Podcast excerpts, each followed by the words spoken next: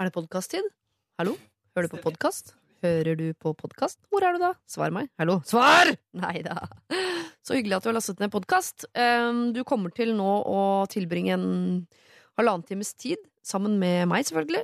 Petter Ness, han derre regissørfyren, vet du. Fra eh, teater og eh, TV og film og i det hele tatt. Eh, Sandra Lyng kommer også til å, å være her med sin eh, nordnorske freskhet. Og dessuten så får du på kjøpet der en deilig halvannen time sammen med selveste Hold it. Jeg kommer ikke til å si det. Det er selvfølgelig Einar Tørnquist. Så det er jo bare å glede seg til, da. Og det, i dag, vet du hva, nå har jeg sittet her i, i tre timer, eh, og det har dukket opp kanskje ti nye ord som jeg aldri har hørt før. Einar står for mange av dem. Eh, Sandra står for en hel del av dem, hun også. Så lurer jeg på om Petter og jeg kanskje har null til ett å bidra med, vi også. Men altså, veldig mange nye ord som jeg syns vi skal lære oss å bli glad i, og bruke så mye som uh, mulig. Så ta fram penn og papir, og så koser du deg i en halvannen times tid. Ha det! P3. Dette er Lørdagsrådet med Siri Kristiansen. På P3. P3. God morgen, du hører på Lørdagsrådet. Robin Schultz fikk lov til å åpne i dag med sin Headlights. I dag så skal vi, som alltid er Lørdagsrådet, ta tak i problemer som blant annet du har sendt eh, inn til oss, eh, og prøve å behandle de med så mye kjærlighet og respekt og magefølelse og klokskap som vi overhodet kan klare å mobilisere. Vi skal eh, helt sånn tidlig i dag innom et problem som vi får inn ganske ofte. eh, En del varianter av, eh, og det går på vennskap. Kan man dumpe en venninne? Og jeg må jo si at det er et problem jeg personlig syns er litt vanskelig, fordi jeg svinger litt. Jeg har vært helt på den harde siden sånn Ja, selvfølgelig skal du kunne dumpe venninner. Hvis du skal dumpe liksom kjærligheten i ditt liv, så skal du vel for søren få lov til å dumpe en venninne. Til nei, herregud, eh, la det bare fade ut, da. Det er ikke feigt, det. Det er jo bare bedre for deg, og bedre for den andre vennen også, som ikke har noe som helst interesse av å bli dumpet i det hele tatt. Men så innimellom så tenker jeg sånn skal vi drive og dumpe og fade ut med en gang? Altså, I kjærligheten så må det jo på en måte stemme for at man skal orke å være sammen. Men i kjærligheten så skal man jo også jobbe for å få det som en gang funket, til å funke igjen. Og jeg syns jo at man også skylder det inn i et vennskap. At man må jobbe litt med et vennskap. Man skal ikke hoppe av vennskap med en gang man ikke har nøyaktig liksom øh, supergod kjemi hele tiden, eller man ikke har tusen ting til felles, eller den ene er litt på ditten og du er litt på datten, osv. At man skal gjennom noen liksom faser i livet, og kanskje man skal bare holde ut. Eller kanskje man skal jobbe med forholdet til den, være ærlig på dette syns jeg er vanskelig med deg, eh, hvordan kan vi komme oss gjennom det? At man skal behandle venner litt sånn som man behandler kjæreste. Men søren, skal man det, liksom? Det er jo slitsomt nok når man skal gjøre de tingene der med kjæreste. Man ikke skal begynne med alle vennene og drive og gå gjennom ting og behandle og jobbe og holde på. Venner skal bare være der, de. Skal ikke være til bry. De skal bare være til støtte og til glede. Og så skal man jobbe med forholdet hjemme. Åh, jeg klarer altså ikke å bli enig med meg selv. Det eneste jeg er enig med meg selv om, er at man skal selv sørge for at man er en god venn, før man driver og krever at alle andre skal være så gode venner hele tiden. Ah, vi får se hva rådgiverne mener da når de Altså når, ikke da. Når de kommer på sine plasser. Men vi skal som alltid her i Lørdagsrådet ta et blikk bakover før de får lov til å slippe løs med sine tanker og meninger om eh, det meste. Vi gjør Justin Timberlake My Love her, og så tar vi et blikk bakover. Lørdagsrådet. På P3. P3. Justin Timberlake synger eh, My Love, og her sitter jeg, som jeg vanligvis gjør på lørdager. Og for to uker siden så satt jeg her sammen med Line Verndal, Håvard Lilleheie og Hans Majestet Olav Brenner.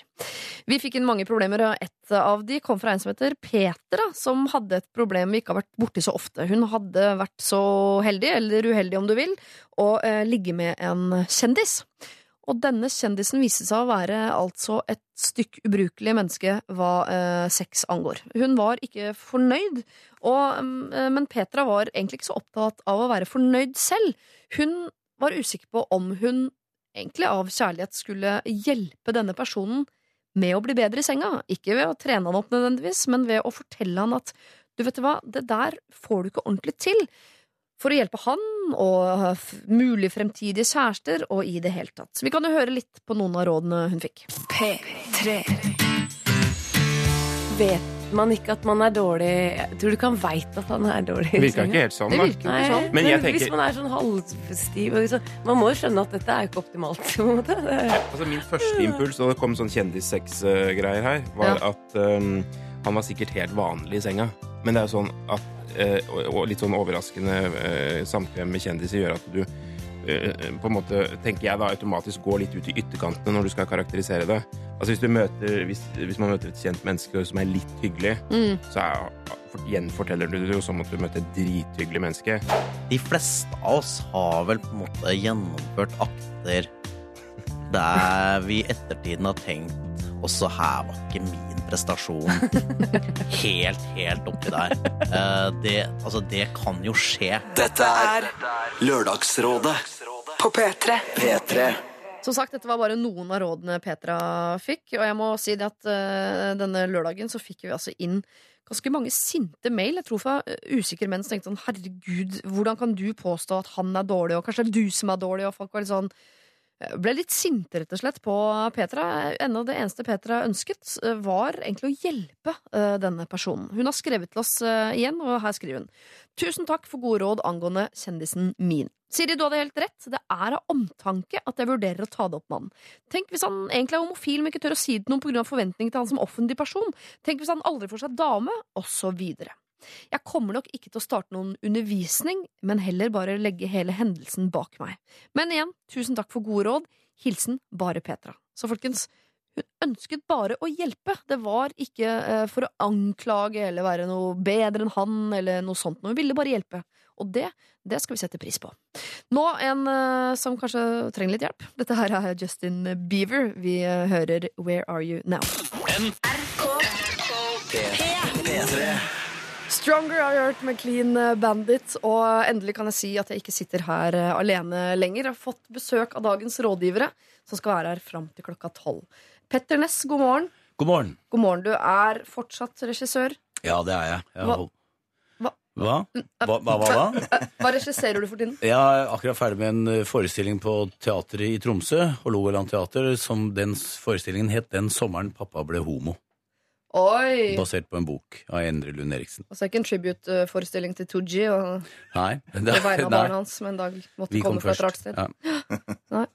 Eh, men hva med Mammon 2, da? Hva Er det på trappene? Jeg er med og spiller der. Du er med det? Ja. Ja. Jeg spiller en uh, elsker til en finansminister. Kvinnelig? Mannlig. Oh, så homoerotisk år du lever. Ja, det er sinnssyk eh, flyt. Og det er samme år som du har sølvbryllup med Det stemmer, og ja, på, rett og slett på tirsdag så har jeg vært gift i 25 år, så jeg tenkte at jeg skulle snakke om det her, for Ja. jeg gruer meg veldig til å komme hjem og fortelle om altså de homoerotiske greiene jeg holdt på med. Eh, Einar Tørnquist, god morgen. God morgen, du. Hva eh, driver du med for tiden? Nei, nå ferierer jeg. Ja. Først og fremst. eh, Jeg har kjøpt sykkel, så jeg har sykla litt. Hvordan sykkel snakker Mountain Mountainbike med hjelm. Så jeg har sykla i skauen. Ja, Skal du ikke sykle på så fjellet, da? Uh, jo, jeg- altså, det er ikke så veldig mye fjell i min nærmeste omgangskrets her i Oslo. Men det er koller og åser og lier som jeg bruker da. Din geografiske vennekrets? Ja, absolutt. Ja, Ja, men Så gøy, da. Er det et paraktivitet, eller? Nei, på ingen måte. Det er noe jeg gjør helt aleine. Solo, solo, solo. Solo, solo, solo, solo. solo. God morgen, Sandra Lynghaugen. Hei! Sier vi Haugen fortsatt? Nei. Er det liksom, Men ikke privat engang? Ja, det står fortsatt i passet mitt, men jeg bruker det ikke. Nei, ok. Da er det kanskje teit at jeg gjør det. Ja, jeg ble litt sur nå. Eitrende forbanna! Jeg ser det ikke for meg at du har det i deg. Du eh, reiser vel rundt og eh, har konsert for tiden, eller? Ja, det er akkurat det jeg gjør. Jeg har akkurat sluppet en ny singel som heter Play My Drum, eh, og eh, turnerer med den, rett og slett. Jeg skal være med på VG sin sommerturné og eh, et par andre gig som er veldig gøy. Og denne drummen man skal spille på, har jeg jo lært i uh, vårt søsterprogram Kristine, at da snakker vi om din bakdel. Altså Ræva. assen. Ræva. Ja. Ja. Og da spilles den på? Er det en del av sceneshowet? Kommer det noen ut, spill på den? Nei, det gjør ikke det. Men, men, men det kan jo over Hvis du vil være med, så kan jeg spille på de trommene, for eksempel. Å, det tror jeg det er god lyd. Er det Ja, som ja. blåseinstrument eller Blom, som eh, rytmeinstrument? Det tror jeg er som slaginstrument, ja. Perku klassisk perkusjon. Dere, vi skal gjøre det vi alltid gjør innledningsvis her i Lørdagsrådet, nemlig ta eh, og snakke litt om sivil status før vi går videre på konfliktskyhet. Mm. Eh, og du har allerede sagt at du har eh, Jeg er fortsatt, fortsatt gift, ja. Ja. Siden i, i stad. Jeg har ikke fått noen meldinger. Nei. Nå 25 år på tirsdag. 25 år på tirsdag. 16. Ett år som separert midt på der en eller annen gang. Ja. Ja. Men bare, ikke en, bare en separasjon, ikke, en, ikke, en, ikke skilt. Bare atskilt. Men det funka jo, det. Ja, det, det jeg egentlig vil nesten anbefale mange av de som har problemer, som skal, vi skal svare på senere, om å ta et års pause innimellom. Lite sabbatår. Ja, barna kan kanskje bli forvirret, men eh, det er veldig, veldig bra for, eh, for foreldrene deres. Men det går bra med barna dine. De har ikke blitt verken narkomane eller kunstnere, de, vil jeg tro. Hvordan hva, nei, nei, men jeg, det, altså, jeg har nok en datter som vil bli skuespiller, og en sønn som vil bli trommeslager. Det er jo det verden står og skriker etter. Trommeslagere. Ja, har i hvert fall rumpa til Sandra Ja. Lindgren. Ja, akkurat nå så er Jeg, jeg ser etter det. Ja. Trommeslagere. er Ja, flott. flott. Da skal, vi, skal du se, få se bilder etterpå. Ja. Da setter vi dere i, kontakt. Det blir Supert. kjempebra. Jeg har ikke sett dem i kontakt med den eneste trommeslageren i rommet som sitter her. Ja, for du er Eh, ja, så det, det er helt greit. Men har du spilt trommer i et proft band, eller er Eh, ja, det har jeg gjort. som heter Foo Fighters? Jeg var jo eller hva? hustrommis på NRK, eh, Storbynatt med Bård og Harald, Siri Kristiansen. Å ja, du spilte trommer, du, ja. Ja da. Men du var sånn snakkende trommis, sånn som er veldig sjeldent, men som jo Ja. eh, for eksempel Foo Fighters eh, gjør. Ja, han, spiller, han spiller ikke trommer i Foo Fighters. Nei, nei, men han er trommis, da. Ja, han er det. Inni genene sine. ja, er. Du skjønner hva jeg vil. Jeg prøver Jeg skjønner- å sammenligne. skjønner det er et men- kompliment. Ja. Åssen er det med sivil status, da? Jeg har vært sammen med den samme dama i eh, to og et halvt år. Så det blir jo Ja, en tiendedel. tiendedel, ja. Uh, vi har ikke egentlig noen plan for hvordan vi skal feire det. Nei. Eh, Må ikke det, strengt tatt, altså. Nei. Nei. Og det, vi er også Gjør litt det. atskilt, for hun jobber i København for det, så at vi ser hverandre ikke akkurat nå. Dere Så kommer, til å være, er- dere kommer til å være sammen lenge, da. Ja, det er akkurat det. Ja. Så det ser bra ut sånn. Ja, så bra. Dere har flytta sammen, ikke sant? Vi har flytta sammen. Ja. Mm. Koselig, da. Vi har aldri sykla sammen. Det kommer på et senere tidspunkt. Ja. Og din sivile status, Sandra? Jeg er singel og lykkelig. Ja. Er det Det går an, det òg. Det går an, det òg. Ja, I perioder går det Ja, an. jeg ble litt lei meg når begge de her var opptatt. merker jeg. Ja. Jepp. Ja. Men uh, Ha det! Men du er ikke eh, altså, Er du sånn som er singel lenge av gangen, eller er du sånn som hopper fra bukk til bukk? Jeg, jeg, er faktisk, nei, jeg er faktisk veldig dårlig på å være singel. Ja. Jeg liker å være i forhold. Jeg forelsker meg lett. Og eh, jeg er rett og slett glad i å dele livet mitt sammen med noen. Ja. Men til nå så har det jo ikke funka. Jeg traff ikke drømmeprinsen min med en gang. Har prøvd noen frosker, det funka ikke. Så får vi se hva som kommer. Hva er det lengste forholdet du har hatt, og hvem var det til? Eh, det var i tre år. Ja. Tre, ja, kanskje litt mer. Eh, og det var med en fyr som heter Torben. Eh, og du har ikke noen planer framover nå utover sommeren? Skal bare være fri og frank og ha, kose deg? Det er lov å flørte litt. Ikke? Ja, jo, jo, jo. En sommerflørt? Jo, jo. Wow! Ja. Men konfliktskyheten din, Sandra, du er jo øh, nordfra. Er det sånn som bare tar alle konflikter som kommer din vei, eller prøver å fly litt under radaren av og til? Jeg er ikke glad i konflikt. Konflikt? Fritt. Jeg er veldig glad i pommes frites. Men, men eh, har jeg en mening, så er jeg ikke redd for å si den. Nei, men sier, Er du sånn som øh, kan si fra på jobben, si fra hjemme i familien til typen på restaurant og alt som liksom er gærent? Jeg er ikke flink på restaurant. Eller nei, jeg- oppsøker ikke konflikt eller krangel eller diskusjoner. Det gjør jeg ikke. Så da er du en sånn femmer på skalaen, da, omtrent. Kanskje. Hvor er du på skalaen, tenker du, Einar? Jeg satt og tenkte på det, for jeg har i hvert fall aldri sendt tilbake mat. Nei. Eh, så jeg er nok, jeg er nok på midten. Handler det om konfliktskyhet, eller handler det om noe annet? Ja, det er først og fremst glupskhet, kanskje. Ja, bare, Du vil ikke ha spytt i suppa di? Nei, jeg er bare fornøyd det er noe der. ja. Ja, ikke Og så glir det ned. Mens det går i grisen. men på jobben, da? Forhold? Sånne ting? Hva Er er det, forhold på jobben? nei, det var ikke det jeg spurte om. Eh, det kommer senere. Tar du opp ting? Om jeg tar opp ting på jobben? ehm, nei, i hvert fall ikke med letthet. Eh, og så sjeldent som mulig. Mm. Eh, jeg, jeg, jeg er dårlig konfliktperson. Du er ganske konfliktsky, da. Ja, jeg er det, altså. Så en sjuer, kanskje? Ja, La oss si det, da. Ja. Sju og en halv, da. Sju og en halv. Ja. Ja. Deg da, Petter Næss. Man blir jo ofte bedre øh, litt sånn utover i livet. Ja, men man blir også litt mer sånn uh, mindre lyst til å jeg, jeg er ikke noe glad i å såre mennesker, og det tror jeg nok en del som hører vil bli litt overrasket over, for jeg tror nok jeg har såret ganske mange. For jeg er sånn jeg, jeg, men jeg sier ting veldig direkte, men jeg, jeg vet jo hva jeg mener med det, men så har jeg en sånn måte å si det på at jeg virker mye sintere og strengere og gærnere enn jeg føler meg selv. Jeg syns du virker som en pus. Ja. En pus? Ja. Ja. ja. Men, eh, men foreløpig har jeg jo bare vært helt uærlig. Jeg har ikke sagt noen viktige, grusomme ting. Nei. Nei, men, Tigeren eh, kommer, men, tigeren eh, nei, men, det, det, jeg, jeg, no, men noen ting er vanskelig å si fra om og snakke om. Men jeg jobber jo med skuespillere og folk og ting som skal liksom korrigeres og tunes om, så jeg må jo si fra for å få det, for å få det til. Ja. Eh, og noen ganger så venter jeg litt lenge, og noen ganger så kan jeg da bli litt sånn, har ventet så lenge at jeg, at jeg øh, sier det på en måte som er litt brysk, da, eller blir litt sint. Så skjønner ikke, ikke noen ting, for jeg som er så pusete. Da kan jeg være så gæren. Og så Men du har ikke tatt med der, øh, regijobben din ut i privat sfære, sånn at du hele tiden tenker at du skal lære opp folk? Kona folk på restaurant og sånn, skal men, vise hvordan det, folk gjør, virkelig det skal gjøre det? gjør folk hele tida. Ja. Barna forteller meg hvordan jeg skal være, jeg forteller hvordan de skal være. Og, altså, det- det, den, altså, alle jo, har jo en sånn regioppdrag hele tiden. Ja. Ja. Ute i virkelig liv. Ja. Men du bruker det ikke som hersketeknikk å si sånn 'jeg er litt bedre på dette her', for faktisk, Nei, dette er jobben nei, det gjør jeg ikke. Nei. For da, nei, da blir man jo teit med en gang. Da har man virkelig ikke peiling. Hvis man liksom slår i bordet med noe sånt. Enten så når du frem, eller så Hvis du begynner å argumentere med at 'dette kan jeg, jeg er psykolog', eller jeg er sånne ting, da, da er du, da er du tapt. Da er man tapt. Ja, det er jo forskjell på å ha sin egen mening og være hestkuk. Ja. ja. ja. Det er faktisk ganske stor forskjell òg. Men hvor vil du plassere deg sånn tallmessig, da? Sander er nå en femmer, har vi blitt eh, enige om. Er Einar er sju det og en halv. eller Hva som er bra og dårlig, har vi ikke diskutert. Men ti, Nei. da er du kom veldig konfliktsky, og én, Ja, ja. da er du ikke Nei, da vil jeg si at jeg er nok eh, fire. Fire. Du er en ja. Fire, Ja, ja, en fin bukett eh, vi har med oss her i dag. fire Eh, til tre. Fire til tre. Oi, oi. Det er nesten mot det irriterende, denne greiene der. Ja, da er det, da er det fire. Da er det fire. Det Fire min. Hvis du som hører på tenker at dette her er folk jeg vil at skal løse mine problemer, så uh, må du sende inn problemet ditt. Det er nå du har sjansen. Eller alfakrøll nrk.no.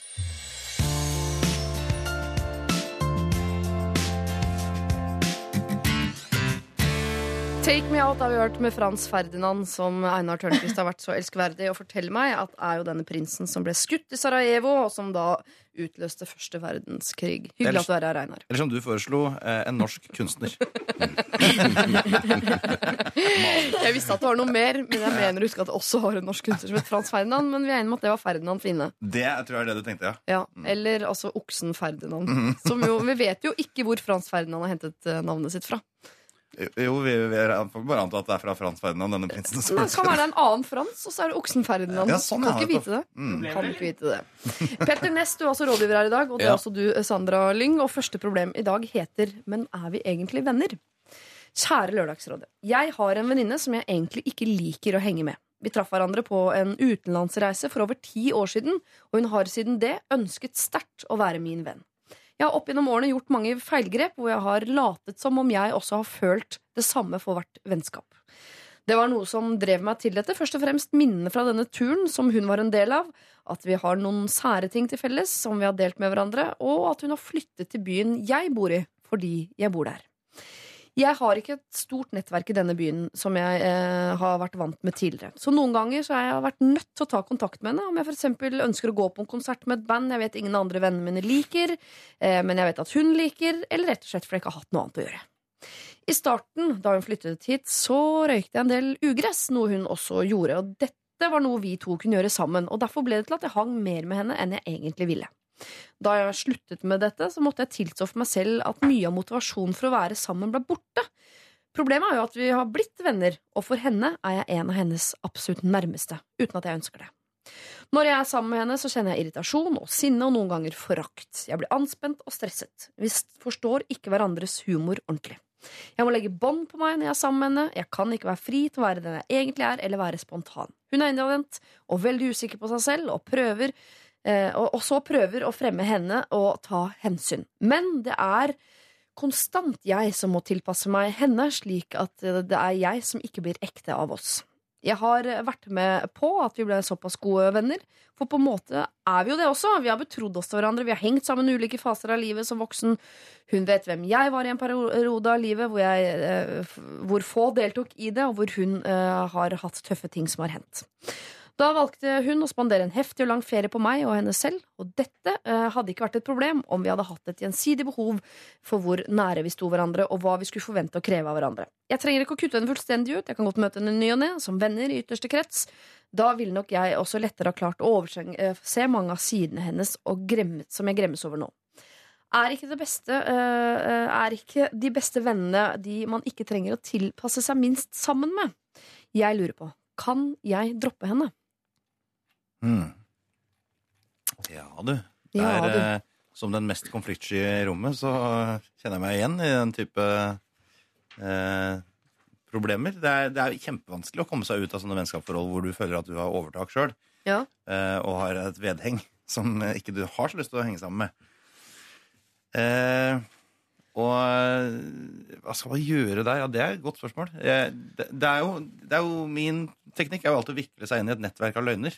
Ja, ja. Det er- det høres- det høres ut som de det er på gang allerede. Der er de godt i gang. Men Så du ville løyet deg ut av dette vennskapet? Eller? Altså typen sånn 'nei, jeg kan ikke i dag, kanskje neste uke', eller Det som er bra med det, er at uansett om du blir tatt for å ljuge eller ikke, så kommer du deg ut av det vennskapet. Sånn sett, altså Du Du Ja. risikerer egentlig ikke annet enn å oppnå det som i utgangspunktet var målet. Nettopp. Ja. Eh, med mindre hun tidligere, da, da står det enda mer samvittighetsgjeld enn det allerede gjør. Ja, ja Det er litt farlig. Ja. Er, er det noen som tenker i andre baner enn løgn her? Vi, eh, Ja. vi gjør det. Men eh, vil du først? Jeg, jeg tenker Det virker litt eh, på henne som at hun har litt dårlig samvittighet. Ja. Eh, Etter hun ei venninne best- spanderte en tur på henne, og at de hadde De har hemmeligheter i lag, så kanskje redd for at siden hun er ikke så interessant eh, menneske, kanskje hun i etterkant vil ville slenge litt dritt om henne. At hun er litt redd for det, siden de sa at vi vet veldig mye om hverandre. Mm. Kanskje hun føler at uh, hun må, på grunn av at hun er usikker, og er venninne, at hun må henge sammen med henne. Men sånn er det ikke. Livet er altfor kort.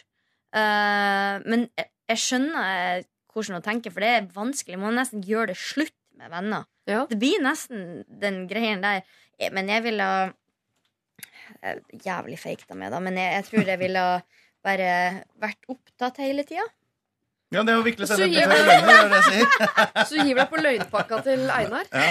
Og står aleine i båten, Petter. Ja, det er godt, det er eh, fint. ja. Det er- Nei. Ja, for det første så er hun jo åpenbart del, og det er derfor hun har dårlig samvittighet, tror jeg. Fordi hun er delaktig eh, altså i dette her. At hun har, hun har involvert seg. Hun har ikke backa ut eh, tidligere. Hun har blitt med på turer, og de har røyka sammen, og de har holdt på. Så hun eh, er litt sånn eh, offer for eget eh, grep, eller fravær av grep. For andre så er det eh, de mine beste venner. Nå er jeg så gammel at jeg har hatt venner i over 40 år. Det er jo de jeg irriterer meg mest over. Ja. Ikke sant? Det er jo som jeg har lært å kjenne så lenge. Jeg vet akkurat hvordan det er. Jeg ser mønstrene deres. Jeg kjenner til og med foreldrene deres. Jeg vet hva de, hva de kommer fra. Så jeg, men det er- ligger en slags sånn kjærlighet i, i det også. Liksom at man, altså Gjentagelse og, og ting man irriterer seg over. Sånn at eh, det bør ikke nødvendig, det at man irriterer seg over et menneske, bør ikke nødvendigvis bety at det mennesket er dårlig, eller at det er et dårlig vennskap. Men da kommer jeg til det, det som vipper meg opp tror jeg, på en treer på den der skalaen. Det er snakk med henne. Ja. Vær, gå, gå rett på og si at dette er et problem. Vi har vært sammen så, Det er over ti år. Det, Mm. Dette vennskapet Når Annika, hvor gammel hun er, hun som skriver inn? 32. 32, ja. Mm. Hun er voksen dame. De var relativt voksne da de møttes. Hun har hatt massevis av muligheter til å backe, backe ut av dette. Jeg ville tatt en prat. Jeg sier at vi, vi, vi, we go way back. Det er en tredjedel av livene deres, eh, begge to. Eh, dette er situasjonen. Og det eneste altså hvis, hun ønsker, hvis det blir en konflikt ut av det, så kommer hun seg ut av det. Hvis ikke hun tåler det. Mm. Hvis det funker, så kanskje de bevarer et vennskap. Tror du det kan funke å si at eh, kanskje vi har vokst litt fra hverandre? Det kan godt hende. Eller, eller det kan, si- det kan en funke å si 'hør her'. Det er vet- ikke du det er med? Ja, ja, ja. Og det er jo alltid to, to sider av en sak og, og sånn, men, men eh, jeg mener at det kan være en ubehagelig øvelse å gjøre. Du kan såre det andre mennesket, men enten kommer du deg ut av det, eller så styrk, finner man ut at, At eh, du får lufta ut, røykt ut litt greier fra den andre parten også. Men det er ikke sikkert at hun her, eh, hvis venninna hadde visst det, Mm. så ville jo ikke hun likt det. Jeg, jeg vet jo at Hvis det var noen som misliker å henge med meg, så vil jo jeg helst ikke henge med den personen heller. Nei, så du tenker at her er egentlig Beskjeden er vond å gi, men den er ganske effektiv. For idet uh, Iselin sier til uh, venninnen sin Jeg liker deg ikke, jeg har egentlig ikke likt deg de siste ti årene, så er problemet på en eller annen måte løst. Ja, men jeg får litt sånn, jeg får litt sånn godhet for uh, offeret her også. Ja. For at, uh, Ja. det, det blir i hvert fall fremstilt i den mailen som den kanskje minst sterke av de to. Da, som kanskje jeg ser liksom bare for meg at hun har det problemet flere med mange andre òg. Ja. Men jeg tror, jeg tror at dette offeret her, da Det kan godt hende det kommer ting fra det offeret som vil være superinteressant for, for Iselin, som kan snu hele bildet. Eh, måten hun har sett på ting på, hvordan hun, eh, Iselin oppfører seg. Kanskje hun får seg en på trynet. Eh, så jeg, uansett mener jeg at det, det er en tøff øvelse som enten vil eh, gjøre slutt på forholdet, eller styrke det. Det vil, vil i hvert fall styrke det opp. Det vil i hvert fall ikke halte videre etter en sånn samtale. Mm. Men kan det være verdt å jobbe litt for å beholde dette vennskapet også, selv om det er ting i det vennskapet som er irriterende? For jeg tenker Man går gjennom noen faser i livet hvor uh, man har ekstrem tilknytning til noen, og så i neste øyeblikk så er det noen andre. Eh, Plutselig så er man en gjeng som har, er gravide sammen, og da har man ikke så mye til felles med hun single. Og vips, er man singel igjen! Da har man ekstremt lite til felles med de der kjernefamiliene, men hun singlevenninnen som ikke du har sett på to år, hun hadde jo hatt vel... Altså, Ja. man går gjennom noen sånne. Og jeg tenker, Hvis du har en venninne som er såpass glad i deg at hun har uh, flyttet til byen din uh, Når du er lei deg, så spanderer hun tur på dere sammen. Altså Hun har fulgt henne gjennom ganske mange faser i livet. Det er ikke sikkert bare fordi man er litt irritert nå og lei at man skal At man skal røske opp med rota. Kanskje man bare skal være litt opptatt Men, hva, framover. ja, men hva, med å, hva med å si det, da? At jeg setter pris på det og det og det, men det er et par ting som ikke jeg syns funka. Det ville faktisk jeg gjort når jeg tenker meg om. Ja, heller Istedenfor å slå opp, liksom, plukke Ja. på de akkurat de konkrete. Det tingene du syns er irriterende. ja, det kan hende at det er ting der som Sånn som Iselin gjør, som er irriterende, sånn at de kan ha en kommunikasjon eh, fram og tilbake om det. Så kan det godt hende at de brillene Iselin har på, de er veldig sånn fokusert på det. Nei, nå er ah, Nå kommer det igjen. Det er ikke Ja. sikkert andre reagerer sånn på det, selv om det er mulig at hun har problemer i flere retninger. Men det kan godt hende at det er liksom man, man insisterer på sitt eget bilde, da. Ja. Eh, at det blir en sånn selvoppfyllende greie, og at eh, en sånn en eller annen sånn konfrontering av det, eller en, eh, en tilnærming av det. Så at det, det irriterer meg. Jeg har gått og tenkt på dette lenge. Har du gjort det med noen av de kompisene dine som sier er dine beste venner, men som Ja, er irriterer deg mest? Jeg er jo så drittlei av å høre på. Men har, da har du sagt fra til de? Ja, ja, ja. Masse. Men slutter de med det, da? Blir det noe bedre? Nei, nei, er du gæren? Så, men så er kjærligheten i bånn så sterk at du bare Ja. Ja. Ja, men, det er, men, men egentlig så handler det jo om å, å Egentlig så handler det om å, å gi seg til kjenne, da. Ja. Eh, og si at dette, dette Og så og så må man, eh, jeg, man forvente, Du klarer jo ikke å forvente, nei, forandre et annet menneske. Det, du, du klarer ikke, Men du kan forandre relasjonen til det andre mennesket. Mennesket må ville forandre seg selv. Altså da, Det er det eneste som kan Du kan ikke liksom Du må slutte å være sånn. Du må holde opp med det. Drit i det. Ikke være sånn. Hvis ikke mennesket selv vil det, så skjer det ikke. Så, um, så men, men, eh, men eh, mye av det har, har nødvendigvis ikke endt opp i at eh, Det er kanskje derfor jeg sier dette. Det endte opp i at det vedkommende har forandret seg, men det har eh, på en eller annen måte har man blitt tryggere på hverandre. Man vet mer om hverandre, eh, og vet mer om hvordan Ja, jeg har vært ærlig og åpen, og da vet andre mer om meg og hvilket forhold jeg har til dem. Og jeg tror Ja.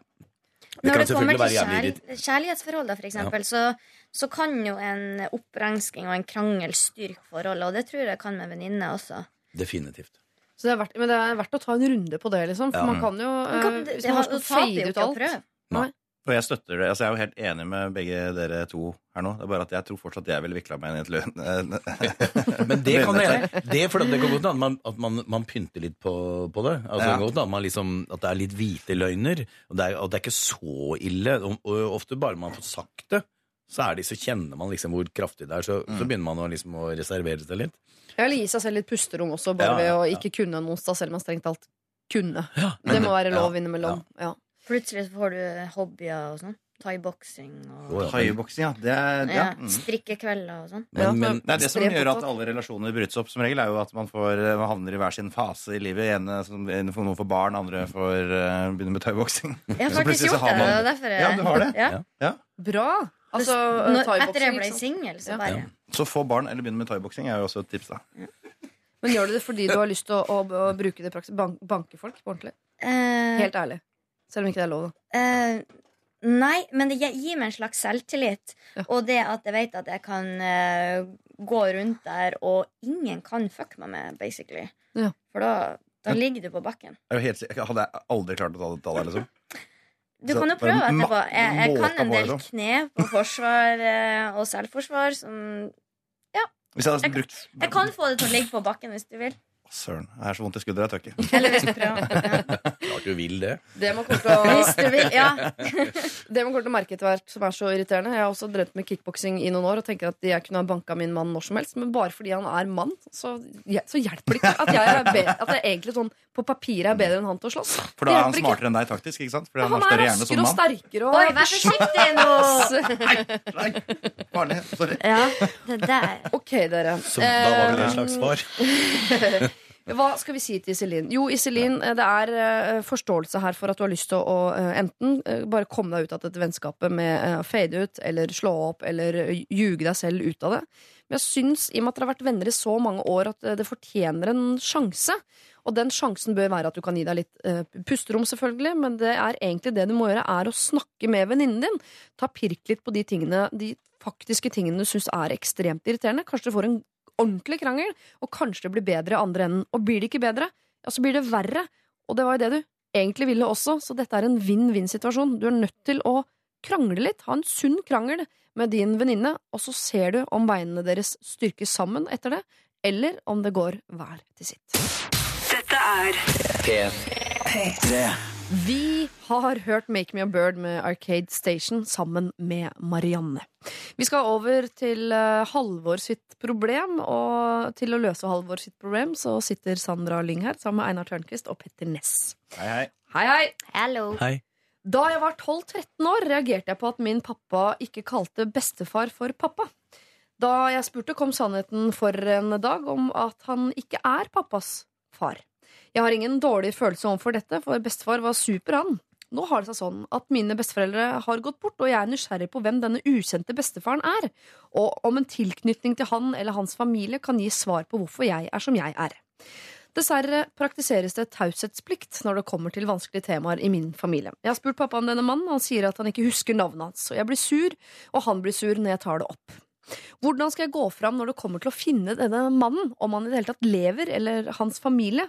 Jeg vil ikke såre pappa, da dette tydeligvis er et sårt tema.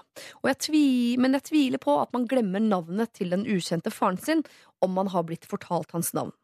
I min familie er det løse tråder på begge sider, og jeg er veldig interessert i å finne ut av dette. Mamma vet jeg også er nysgjerrig, snakket, eh, bestemor snakket aldri om dette, og tante tør jeg ikke spørre. Halvor. Det står ikke hvor gammel han er nå, Mm. men han er eldre enn 12-13, da, og han er Ja. veldig veldig nysgjerrig på sitt uh, opphav. Altså hvem hans egentlige bestefar er. Ja. Ja. Om han er. Ja. I det hele tatt. Har han på en måte Han jo- Vi kan jo begynne. Har han han lov til å Han må jo ha vært. Ja. Må han ta hensyn til sin pappa her, som ikke er interessert i dette, eller kan han bare gå rundt for å tilfredsstille sitt behov for forklaring? Ja, det syns jeg. Syns jeg jo. Men når Jeg tenker også han burde Ja, jeg er enig med dere, men han burde også tenke litt på pappaen sin eh, også. Fordi at det kan jo være en stygg grunn til at han ikke vil at man skal oppsøke han. Det kan jo hende at han fikk en ny far for noe vondt har skjedd. Ja. Det er det jeg er er redd for. Det er ikke alltid det roper fortida er så lurt, altså. sånn, det vet ikke jeg hvor gammel han er, Nei, men, men, men det, er, det har med krigen å gjøre, om faren var tysk, Mm. eller eh, altså, tysker og sånne ting. Det kan være sånne ting også. Ja, ja. Eh, Det kommer litt avhengig av eh, alder. Men eh, da igjen, da, snakke med Så, så ville jeg kanskje spurt uh, faren min uh, Vet du, hva, jeg, kom, jeg kommer til å gjøre det. Jeg Mm. kommer til å finne ham, uh, og du må gi meg et veldig, veldig god grunn til ikke å gjøre det. Rett og Ikke sant? Ja, for da får du vite Ja, og hvis, hvis da Og så kan du selvfølgelig si for dem da bryter jeg alt med deg, og du er arveløs, og vi kan ikke mer med deg å gjøre, og sånne ting. Men, men ø, en måte Kanskje å tvinge frem en, en, en tilståelse eller en rapport eller en forklaring Mm. fra, fra faren. Men så sier de at det, dette betyr så mye for meg, for jeg, jeg har lyst til å finne ut av det. Eh, og, og jeg kommer til å gjøre det. Og, og så kan han spørre faren sin om vil du vite noe hvis jeg finner ut av noe. Eller vil du at jeg skal holde det for meg selv? Mm. Man har vel et slags krav på å bli kjent med sin eget eh, opphav? Har man Ja, og alle kan jo føle Har man det? Har man ikke det, da? Det Men alle kan drive av- sånn etterforskning. Altså, Det kan man jo. Det er ulovlig. Ja. Jeg tenker, eh, Som mor da, så tenker jeg at jeg tar noen valg på vegne av mine barn. Og det får de bare på pokkeren meg forholde seg til. Hvis jeg, altså, her er det jo en far som har valgt at du får ikke treffe min egentlige far, din bestefar. Grunnen til det kan være hva du vil. Du får bare stole på at det er av hensyn til meg og hensyn til deg. Ditt og ditt, ditt behov for en ek, ekte bestefar. Mm. Men- det vet jeg For man var ikke. tydeligvis glad i han som eh, var reservepappa for, Mm. Ja. for faren hans. ja, ja. Mm. Han har jo hatt det som bestefar. Ja, og vært glad i han og respektert han. Ja. Men ja, jeg ser jo nysgjerrigheten, men skal det gå over Skal man tråkke over faren sin for det og gjøre familien sint og kanskje lei seg? Det, det er faktisk usikker på sjøl. Ja, jeg, jeg syns øh, Jeg syns at han skal gjøre det. Bare, altså, som du sier, Petter, at han skal øh, bare si ifra at dette kommer jeg til å gjøre uansett. Eh, for det, det, jeg hadde vært altfor nysgjerrig. Jeg hadde, hadde brukt for mye tid på å tenke på min ordentlige bestefar, rett og slett. Det kan jo være en, det kan jo være en kul bestefar. Ja, Det kan jo være en, en eller da- annen artist, for eksempel. Ja. Eller en eh, forfatter. Ja. Mm. Eller eh, Eller en junkie. Eller en junkie. Jeg har en venn faktisk som ble kjent med sin biologiske far i en alder av 18 år, og da viste det at det var eh, en ungarsk artist som hadde en kjempehit i 1967. Det. Ja. Det er en veldig kul historie. Men liksom, det kan jo ligge mishandling og overgrep og sånne ting i historien der. Men, men, men for også å nærme seg faren sin, da, og litt av årsaken til at det, det er sånn, så tror jeg det er lurt å men, men måten dette er presentert på, så er jo Man blir jo vanvittig nysgjerrig. Mm. Altså, ikke sant? Det, når du sier jeg, 'ikke noe', ikke noe for aldri vite man ikke sånn, da, da stopper du ikke å tenke. Altså. Da, er du, da har du virkelig satt i gang en prosess. Kanskje det er det han ønsker. Kanskje Ja. faren ønsker det. At det skal foregå en uh, sånn prosess som man ikke har bedt om. Det vet man jo heller ikke. Det kan være Det kan godt hende at faren har vært uh, følt akkurat det samme sånn som sønnen hans gjør mm. når det kommer til sin ektefar. At han har vært like nysgjerrig, og, men slått seg til ro med at eh, han, han skal man ikke ha kontakt med. At han har tydeligvis en eller annen erfaring som gjør at, at han ikke vil at uh, sønnen hans skal ha kontakt med den enk- egentlig bestefaren. Og man må egentlig Jeg tenker at kanskje man skal stole på det. Ja, fordi Hadde vi visst hva som var grunnen til at ikke Ja. har noen kontakt der, så hadde det vært veldig veldig lett å gi råd til Mm, Halvor. mm. Men det vet vi ikke, og det har jo dukket opp nysgjerrighet til oss. Det er jo ikke så rart at det dukker opp i Halvor. Og i noen familier så tenker jeg at det kan være fint at det fødes en liten brobygger på et eller annet tidspunkt, fordi det, at det kan være et gammelt agg, at det bare er folk som står steilt mot hverandre og ikke vil finte av ting. At det bare er liksom en eller annen Mm. gammel overenskommelse som Ja. man ikke kommer seg ut av. Så kan det være at det er nettopp Halvor som får til dette her. Mm. Og får eh, løsta opp på alle sider, og at, at han gjør familien sin bedre. Det er bare så synd hvis det han roter i nå, er et vepsebol som gjør at alt bare rakner fullstendig. At han ødelegger alt. Men hva hvis han ikke roter i vepsebordet og bare kikker inn vinduet? da? At han bare, i stedet for å snakke med faren sin For faren og bestefaren har jo åpenbart ikke noe kontakt. Mm. Går det an å bare gå rundt og, og sjekke litt? Eh, Åssen er han Altså møte bestefaren uten å varsle noen andre? Man får jo ikke navnet hans engang. Det er det. Ja, men, Men- Er det kirkebok eller, eller Ja, det finnes jo sånn eller ja, moskébok. kirke- Ja. Ja. Men, men er denne eh, Fulgte du dårlig med? Er han død, denne, denne ordentlige bestefaren? Eller? nei, nei, nei. Han Men lever- eh, denne, altså, det som har Det vært, han ikke. fungert som hans bestefar, Han er død. han er død. Men- Men den ordentlige bestefaren, det vet vi jo ikke. For vi vet Nei, jo ikke engang hvem Nei, han det er. er, eller- også, det er også litt sånn vesentlig om, om han fins et eller annet sted. Eh, eller om han eh, bare finnes som en gravsten. Ja. Det Så er det jo jo veldig veldig- sannsynlig at det er, veldig sannsynlig at det er Rune Rudberg. Det må vi ikke glemme. Hvis du kan slå deg til ro med at det er Rune Rudberg, Halvor, så gjør du det. Men dere, eh, en vi glemmer å snakke om oppi denne suppa, som jo har en sentral rolle i det hele, det er jo eh, bestemor. Ja. Hun, eh, for det kan hende her at hans pappa ikke vet navnet på sin egentlige pappa. At det var en fyr på byen, eller ikke sant? Mm. Men bestemor, hvis noen vet, så vet jo bestemor. og Kanskje man kan stille spørsmål til henne. Ja. Har, er, er, er du enig med pappa at det beste for alle er at jeg ikke vet hvem denne fyren Ja, er? det, Og hvis man får et hint om sånn Ja, det kan være greit at ikke du vet hvem er. Ja. Så la det ligge, for da er det Hitler eller altså, ikke sant? Da er det en et eller annet forferdelig som ligger der. co. Ja. Ja, det, var- det var et godt råd. Ja. Hvis denne bestemoren lever eh, Mm. fortsatt. Nei, det er hun ikke vet du. Nei, ikke sant? Det er det. Å, ja. Men han Sånn turte eh, ikke å spørre tanta si heller. Nå, han tør ikke. Nei. Ja, da må han jo manne seg opp, da. Ja, på en eller annen måte må begynne, Kanskje begynne med tanta. Mm. Snakke med henne, hva er det? Og så eventuelt, hvis han ikke klarer å stoppe, gå til far og si at uh, ja, jeg vil holde på det rådet. Ja. Snakk med far. Jeg kommer, til å, jeg kommer til å undersøke dette her. Men kan vi møtes vis. på midtveien her istedenfor å si uh, at han går til faren sin og sier 'jeg kommer til å gjøre det uansett', som en sånn trussel? sånn jeg tenkte han ja. si det. Eh, At han kan si 'jeg klarer ikke å la dette ligge'. Mm. Hvis, jeg skal, hvis det beste for meg er å la dette ligge, så må du overbevise meg om det. Ja. Med noen argumenter Ja. som ikke er at du bare er helt stille. Ja. Ikke sant? For det er ikke et argument. Ja. Nei. Helt enig. Jeg er enig. Ja. Møtes der, da? Ja. Ja. Da har vi rett, antakeligvis. Et godt råd. Hørte du hva vi sa? Jeg kan gjenta det. Du går til faren din og sier 'jeg vil vite dette her', jeg klarer ikke å la det ligge. Og hvis jeg skal la det ligge, så må du forklare meg hvorfor. For du må også ha eh, litt, om ikke respekt, så tenke at faren din innimellom også vet hva som er best for deg, og kanskje det er nettopp det han gjør her. Så det skal du ta med i eh, beregningen. Hvis du har et problem, så send det inn til oss. Det er lralfakrøll.nrk.no som er eh, adressen. Eh, vi skal høre Lean On, vi. Dette her er Major Lazer, DJ Snake og Mø. Dette er er P3. Lean Linan synger de Major Lazer, DJ Snake og Mø. Og jeg har sendt dagens rådgivere ut på en aldersliten tyssepause. Fordi da har jeg sjansen til å si noe til dere uh, som ikke det jeg ikke vil, at jeg ikke vil at de skal vite, men de syns sikkert det hadde vært litt sånn flaut å sitte her uh, hvis jeg sa det nå. Etter at vi tok dette ukjente bestefarproblemet, så kan jeg si at jeg har jo en sånn bestefar!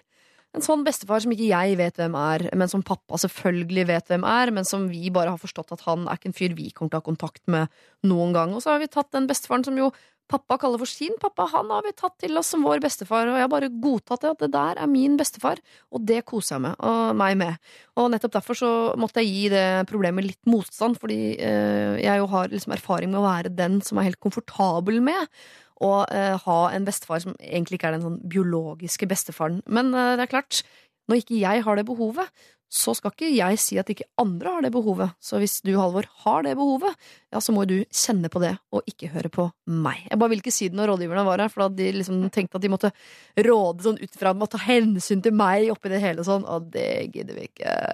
Jeg har eh, lagt ut bilde av disse rådgiverne nå, på Instagram og Facebook og i det hele tatt, eller egentlig bare akkurat de to instansene, da. Det er ikke noe flere enn det, så har du all mulighet til å se det der, hvis du er vår venn, eller vår følger, eller vår følgesvenn, om du vil. Straks altså skal vi ta et problem som kommer fra én jente, men som jeg mener er et generelt problem, som de fleste jenter, og også de fleste gutter, sliter med. Eller som jeg syns vi er litt dårlige på. Kanskje spesielt dårlig her i Norge. Så her har rådgiverne muligheten til å både hjelpe Line, men de har også muligheten til å rydde opp i det jeg vil påstå er et samfunnsproblem.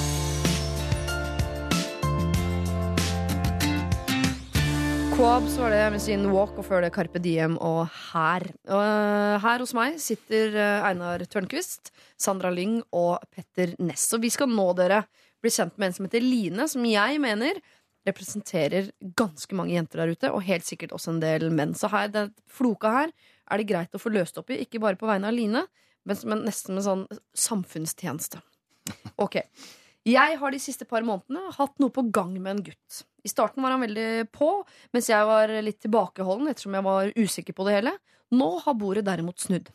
Sist uke tok jeg mot til meg og sa at jeg var interessert i han, og spurte om han fremdeles også var interessert i meg. Han svarte at han var usikker, og at han ikke visste hva han følte. Kjipt. Samtidig ga han meg litt tvetydige signaler om at vi godt kunne møtes videre, og at jeg ikke trengte å avskrive han helt ennå. Og hva søren betyr det, liksom? Anyways. Nå står sommeren for døra, jeg har et behov for å gjøre han sjalu, samt vise ham hvilket bra parti jeg er. Hva syns dere er den beste måten å gå fram på? Masse bilder på Instagram om hvor kult jeg har det, eller ikke kontakte han i det hele tatt og la han savne meg litt. Eventuelt ta det litt mer offensivt og prøve å vinne han tilbake. Jeg vil være mest mulig interessant og kul uten å virke desperat. Jeg liker han her godt, og jeg tror vi kunne passet bra sammen. What to do? Hilsen Line. Dette er vel et problem eh, som fins der ute. Eh, mange av de vil jeg anta. Du skal vinne en fyrs interesse, og et av forslagene er ikke ta kontakt. Hva syns vi om det? Jeg, me- jeg vil eh, Jeg ville tatt litt kontakt her og der, men venta et par dager og vært litt sånn Hei, kompis, hvordan går det? For da setter han ut Hæ, er vi kompiser nå? Kan ikke kalle meg det. Å ja, ja det, men det er lurt, for da viser hun interesse, men han blir usikker. Da blir Ja. hun spennende, mystisk. Ja, Men du Mhm. mener at hun skal i hvert fall være litt på? Og når han tar kontakt med det, hvis det er sent på kvelden, ikke snakk med han. Nei. Klarer man det når man er forelsket? Hvis det er en person man vil holde på, så tror jeg det. Er du god på det? Eh, Er du som privat god på det? Jeg har til Eh, gode å ja. treffe folk som er. jeg har jo tydeligvis ikke holdt på noen av de, så ja. da kan jeg ikke si det. Man bør ikke få til Men, alt man eh, råder andre til å gjøre. Nei, nei, nei. nei, Nei, ikke ikke til en dritt i sant? livet. Eh, da hadde, jeg, jeg bare tenker at hvis at det er kjærestemateriale, så er det ikke sånn at man eh, hiver seg på noen som kun vil ha for eksempel kontakt klokka tre på søndagsmorgenen. Jeg er enig at det er et godt råd. Det er, bare, det er så utrolig vanskelig å følge når drømmeprinsen ringer klokka tre om natta, og du hører han er kjempefull og ute etter én ting, så tenker du ja ja, bedre enn ikke noe. Men, eh, men hun må jo stille seg selv spørsmålet hvor mye kjærlighet det er det, og hvor mye er hun bare ute etter å vinne denne kampen. For at det høres jo ut som det er et eh, spill eh, og en, en, ja, en kamp hun, og, og som jeg skal gjøre ham sjalu, og jeg skal holde meg sånn, og jeg vil ikke virke for desperat. Jeg Så det tror er- ikke kjærlighet er et spill. Er det ekte kjærlighet, så er det ikke sånn man holder på. Da... Nei, ok, Da er det, dette ikke ekte kjærlighet. Nei, jeg tror ikke det. Så, så det er en kamp hun, hun vil vinne, og da er jeg litt sånn usikker på om jeg har lyst til å gi noen spesielt gode råd på hvordan hun skal knerte han fyren her. Gi noen dårlige, da. Vi har masse Ja. Ja, men du kan jo kan du ikke bare, sånn som jeg gjør når jeg skal bli kjent med the ladies Bare sier det som det er. Eh, rett fram, ikke noe spill, ikke noe tenker ikke gjennom hva jeg legger ut på sosiale medier og hva slags meldinger jeg sender. Jeg sender jeg har lyst til å sende fordi det passer seg. Rett fram, helt enkel gutt fra London.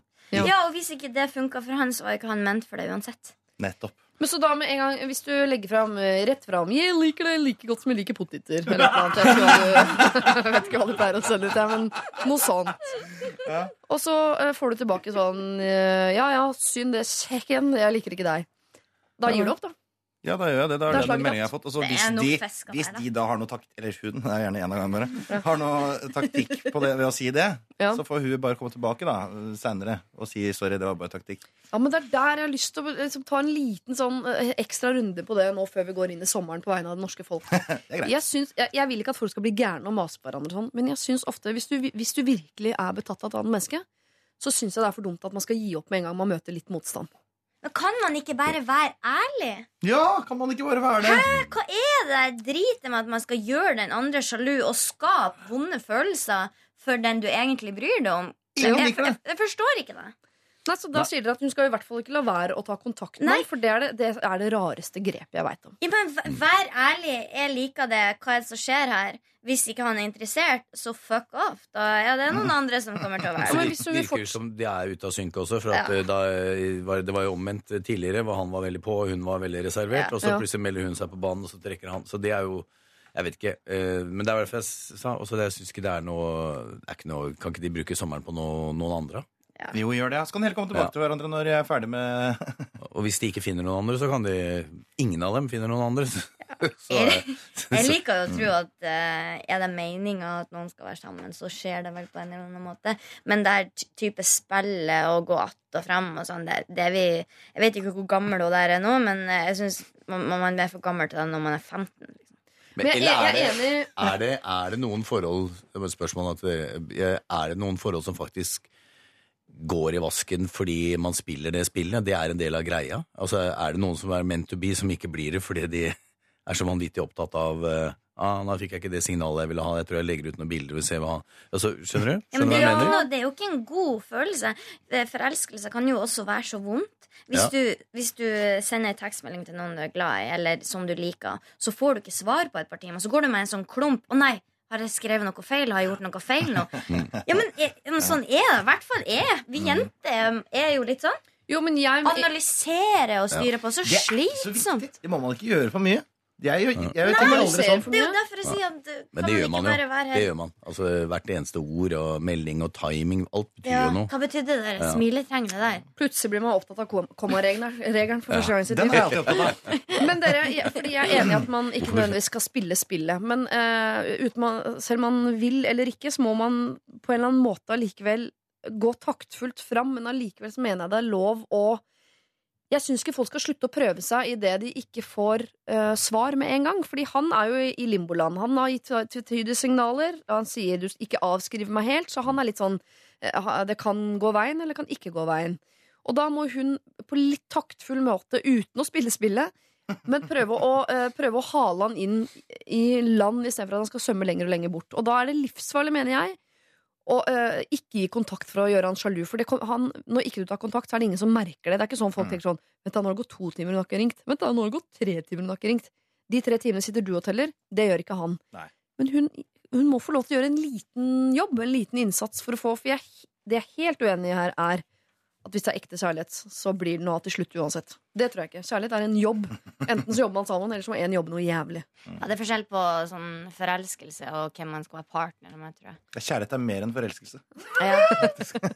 Sånn som Gaute Ormåsen sier. Ja. Ja, dette er en øvelse, da. Det er en på vei til den store kjærligheten, kanskje. Men det, i hvert fall, hun har jo avslørt seg som en person som, som er, driver og kjemper en kamp hun ikke vil tape. Ja.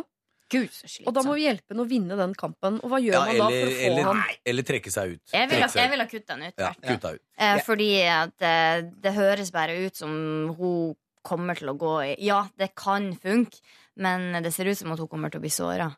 Eh, jeg vil ha Ja. Fuck han. Men hun må jo få lov til å prøve å vinne kampen om å få Ja. han, selv om det ikke er mannen hennes liv. Hun vil ha han for en periode, da. Det Men vær gæren. Si hva du mener. Ja, Send en melding med noe vanlig informasjon. Ja. Da, vi bruker sommeren på noe fornuftig, og så finner vi ut om det er dette vi skal bruke på, eller noe annet. Se om okay. vi savner hverandre, for eksempel.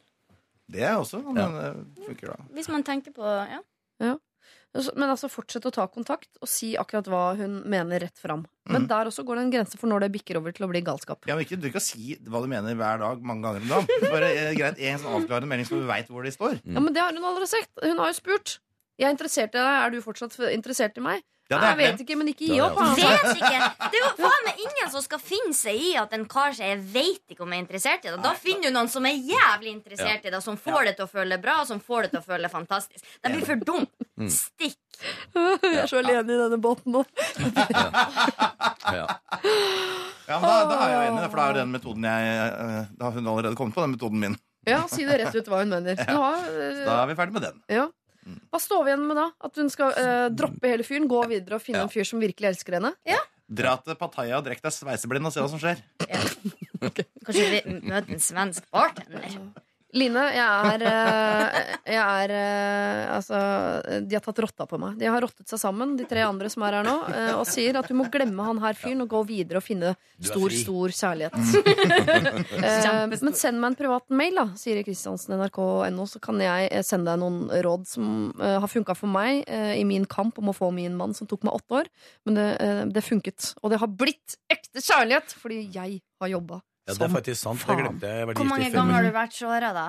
I Underveis? prosessen? Nei, jeg ligger meg gjennom alle disse årene. Ligger, ligger, ligger, ligger. Det er sant, jeg brukte, jo et, jeg brukte bare ett år da, på å få kona mi. Nå har jeg vært gift i fem så jeg, kanskje jeg bare skal hevde det stikk motsatte. Stå på.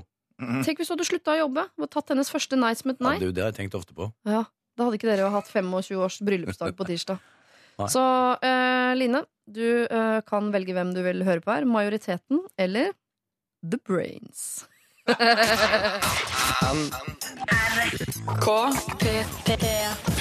P3. Taylor Swift og Kenrick Lamar har gått sammen om denne låta. Bad Blood heter eh, den. Og um, det jeg skulle spørre dere, kjære rådgiver i dag.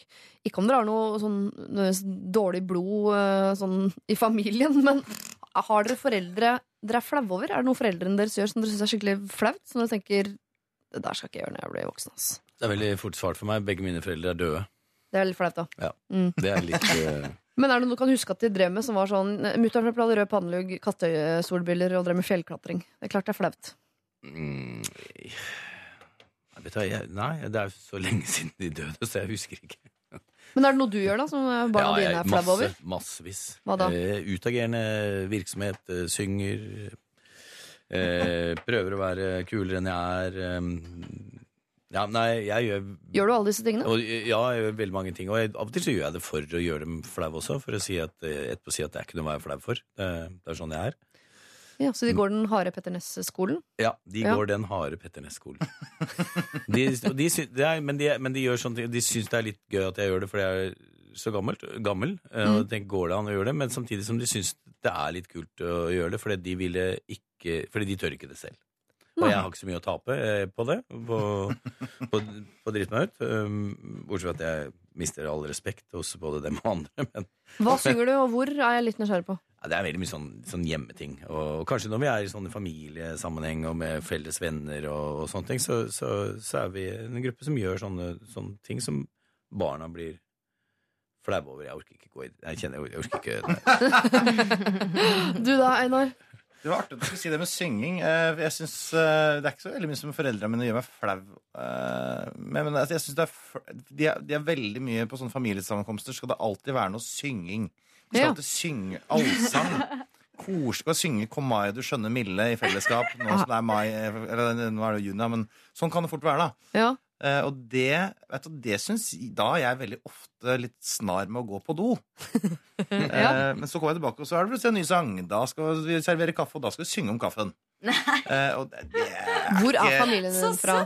De er fra Stokke i Vestfold. Ja, ja, ok Men det er ikke sånn, øh, for jeg vet I Danmark for eksempel, så synger de jo hele tiden i alle Ja. mulige lag. Det er det de driver med. Drikker øl og synger, alle sammen. Ja, dette er edru synging. Altså, dette er Ja. Mosell-basert uh, allsang. Sang. Ja.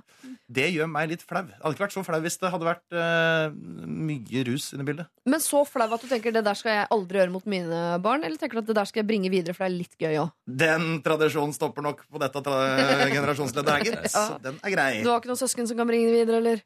Nei, jeg tror Nei. ikke han har tenkt å ta det videre heller. Nei, nei, ok Greit, da stopper du der. Hva med deg, Sandra?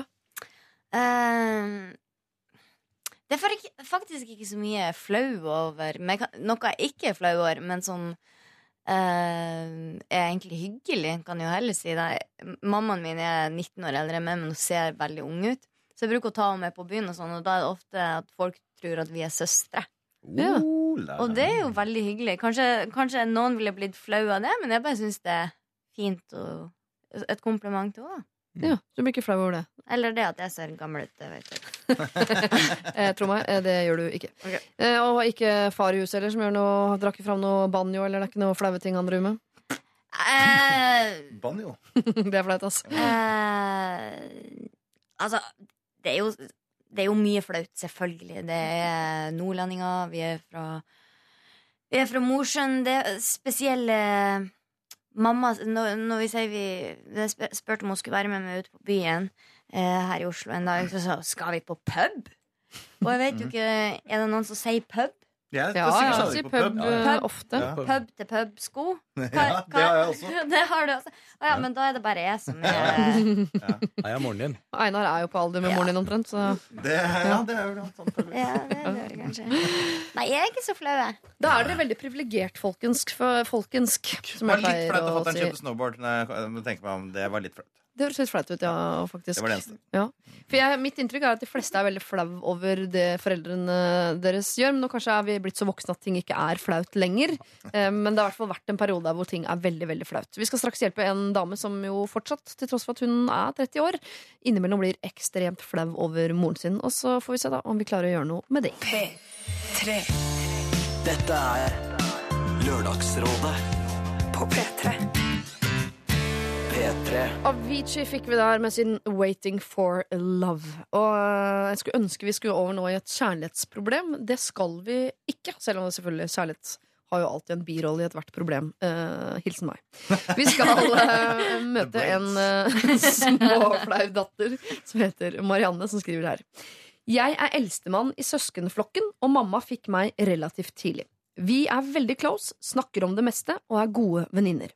Mamma er en smart dame med mye fornuftig å si, og jeg syns hun er god til å ta imot mine meninger, selv om hun ikke alltid er enig. Men når hun diskuterer med stefaren min, som er en fin fyr, så blir hun innmari tenåring. Eh, han digger å trekke litt i henne for å få en reaksjon, men istedenfor å komme med skikkelige argumenter, avslutter hun hele diskusjonen med et tst og himle med øynene.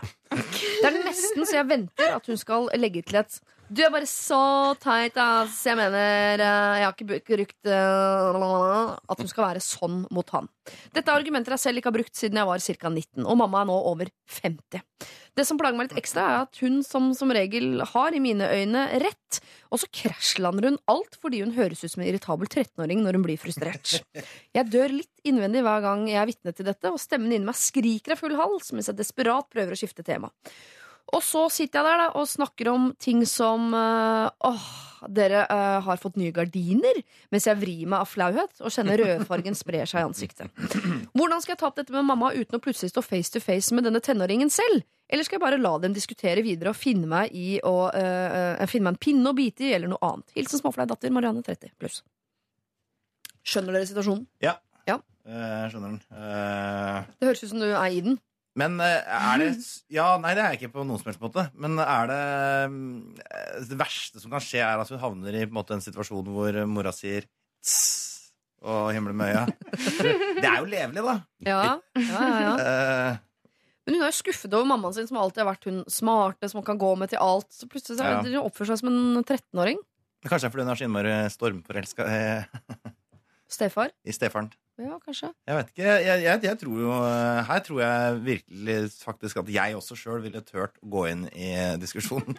For 13-åringer vikle du å diskutere med. Ja, Ja. absolutt. Ja. Uh, uten å vikle meg inn i et nettverk av venner, for en gangs skyld. Og det, det anbefaler jeg nå. Det er bare å ta det opp. Uh, og gjerne over et glass rødvin litt på, på kveldstid. Sånn ute på sankthans og Så du skal diskutere med en drita full 13-åring. det Jo, men det er et fint sted å begynne. Hvis man er av den konfliktsky typen, så er det jo et greit sted egentlig å begynne å snakke med en som nettopp bruker disse litt barnslige argumentene. Da. mm. Men det er litt vanskelig når det er det som er krangelen. Ja. jeg, jeg tenker at hvis at jeg gjør noe som irriterer andre, så vil jeg gjerne høre deg sjøl. Ja. Så vil jeg gjerne, Hvis jeg ikke er obs på det sjøl, så vil jeg gjerne at noen kan si det til meg på en pen måte. Så jeg kan Å ja, det er enig med deg, eller det er ikke enig med deg. Så jeg vil gjerne ha hørt. Så jeg, tror- jeg tror kanskje hun burde si det til mora, at det her er sånn vi opplever det når dere to krangler. Ja. Men har hun noe med dette her Altså, datter 30, har hun noe med dette her å gjøre, egentlig? Nei, men kanskje det vil redde forholdet til eh, mora og Stefan. Vet du, altså, hvert fall Men har de, Å har, gjøre Stef, har de dårlige forhold på grunn av tss, ingen hennes? Det virker som først og fremst Marianne som har problemer med dette her. Det kan jo handle om at han stefaren ser på det som en, eh, en slags eh, en bra ting, som gjør at han vinner alle debatter selv med dårlige argumenter. Ja, for jeg tenker, Hvis de har det fint nå med dette, skal vi være litt forsiktig på Ja. å endre oppskriften. Altså. For da, Maktbalansen er jo eh, Ja, for hvis det, hvis, det, hvis det er bare at hun er knisete fordi hun er forelsket, eller noe, så, så er jo det noe man skal hegne om. Syns jeg. Ja. Vi har jo snakket med, om andre her som sliter fælt med å trenge komme frem til den de vil ha der ute. Så hvis hun først sitter i sofakroken med han fyren og fniser, så er jo det topp, det. ja, for jeg tenker, eh, jeg tenker at dette er flørting mellom mor og stefar. Men det er jo krangling. Jo, men sånn krangling som altså, sånn erte, ja, Det mener jeg at ertinga i forholdet, det må aldri ut. For det er liksom et tegn på at man flørter. Hvordan, når blir man forelska i gutter? Jo, når de er, når de er litt sånn ertete, liksom. Det Mm. liker jo i hvert fall jeg veldig, veldig godt. Mm. Det tror jeg, Mora her liker det. Han erter henne. Mm. Ja. Viser litt sånn maktbalanse, og hun blir sånn Så blir hun dum og 13 år igjen. Det er litt søtt, egentlig. Ja, det hun avvæpner situasjonen litt. Avvæpner seg selv. Og ja, kan kan le av det. Det er jo ikke det verste, det. Tenk om hun hadde begynt å kaste ting og bruke grove skjellsord. Uff. Uff. Men Kanskje hun bare skal bite det i seg, rett og slett. Ja. Datter her Men du kan eh, si fra. Jeg kan jo ikke bare si fra. Jeg syns det er teit når du kniser. Kan du la være å knise når jeg er her? Kan du heller knise overfor andre. Eller velg hvem du kniser overfor. Velg den Velg dine knis med omhu. Ja, ja, ja.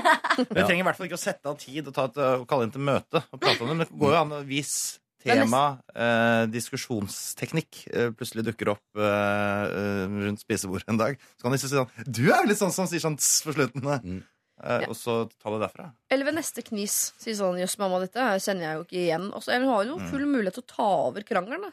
Hvis hun sitter på disse argumentene hun mener er så mye bedre enn tst og himling med øya, kan jo hun gå inn i konflikt med stefar, og så kan stefar og mor ha det hyggelig. Det er Var det vanskelig matte for dere? Litt for vanskelig for meg. ja. For det dreier seg om mennesker, og da klarer jeg ikke å Ja, henge med. ja. Det går ikke inn i matten. Nesten en hel ukjent her. Så Ja. Noen ekstra y-er Ja. som vi ikke skulle ha lagt inn. Du, Men, kjære men hun kan bare begynne hver gang Og kanskje det du sa, men hver gang moren kniser, så kan hun gjøre akkurat det samme seg selv. det Ja, sånn hermeknis. Ja, for det, for det er jo ikke 13 Nei. år. Mm. Nei, nei, bare for, liksom, for å gjøre, gjøre, en opp- gjøre en oppmerksom på knisingen hennes ved å hermeknise. Forslag. Mm. Gjør det noen år. Så Om ikke det har dukket så mange gode råd opp her, så har det dukket mange uh, nye ord opp. Hermeknising, for eksempel, er et ord uh, jeg ikke har hørt før, men som jeg liker veldig, veldig, veldig godt. Ja. Her kan du, Marianne, jeg tror først og fremst du skal se på dette her som en bonus. Ja. Moren din blir 13 år, og de flørter, og de har det koselig sammen. Og, men kanskje vi har misforstått situasjonen. Det kan godt hende. I så fall tar jeg det på min eh, kappe. Men dette her er faktisk ikke noe vi syns du skal ta opp i stor eh, grad. Knis litt selv, eller så kan du selvfølgelig påpeke det hvis det passer seg sånn en eller annen dag. Men husk det, da. Hvis de to folka der har det bra, så skal du overhodet ikke ødelegge oppskriften. Dette er Dette er P3. No Cars Go, The Arcade Fire, og før det hørte vi Sondre Justad med sin eh, Tilbake. Du hører på Lørdagsrådet, som eh, tar imot problemer døgnet rundt hele uka. lralfakrøll.nrk.no. Nå til eh, Jens, som er en, ifølge seg selv, en konfliktsky homse. I ungdomstiden min så hadde jeg en stor kjærlighet i anførselstegn som det aldri ble noe med. Vi var begge kommet ut av skapet, vi flørtet heftig og vilt uten at det ble så mye annet enn å bare henge ut sosialt med hverandre og litt klemming. Nå, åtte år senere, har jeg kommet meg videre, og vi har hatt litt sporadisk kontakt når vi har truffet hverandre på byen osv. For et lite år siden flyttet han og samboeren hans inn i etasjen over meg. Vi treffer hverandre av og til og prater. Begge er ganske hyggelige å prate med. Problemet er at uh, denne flørten, tidligere flørten min, han har blitt arbeidsledig. Og hver eneste dag så spammer han meg med snaps. Det kan være alt fra 'hvor er du?' når, uh, når jeg ikke er hjemme. Eller øh, er du dagen derpå kåt, når jeg har vært på byen, med spørsmål om hvilken porno jeg koser meg med, og hvordan jeg kommer, osv. Men stort sett er det, øh, er det han som ligger hjemme på dagtid og ser såpeserier, og han tar øh, bilder slik at man ikke kan unngå å legge merke til at han har kram kuk i buksa. Jeg har en veldig fleksibel jobb selv og er mye hjemme, spesielt på dagtid og hverdager hvor han kjeder seg ekstra mye. Jeg kjenner det begynner å bli litt patetisk. Han er over 30 år, jeg er overhodet ikke snerpete, men jeg har overhodet ingen interesse av han, og er ikke interessert i å være hora i oppgangen. I tillegg syns jeg det er litt ubehagelig når jeg treffer han og typen. Må jeg selge leiligheten min og flytte, eller bør jeg bare ignorere dette her, eller skal jeg konfrontere han med det? Hittil har jeg bare ignorert det meste uten å i det hele tatt svare. Jeg vil jo ikke virke innbilsk eller noe, men jeg bruker jo ikke å få slike snapper av periferte bekjente. Kan dere komme med noen gode råd her? Hilsen konfliktsky homse i slutten av 20-årene. Ja, jeg, jeg, Det var et helt- enkelt svar på det. Jeg er jo da. helt klar. Jeg vil bare si fra at eh, dette passer dårlig.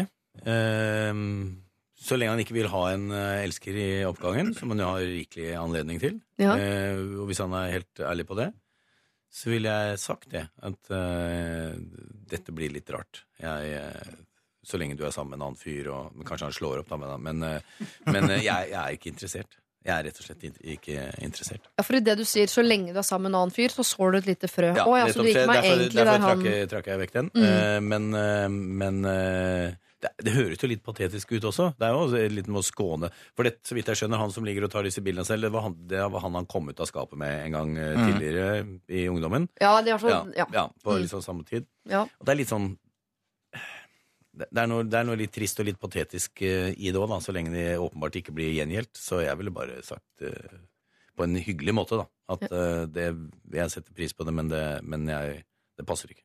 Det mener jeg er plan A.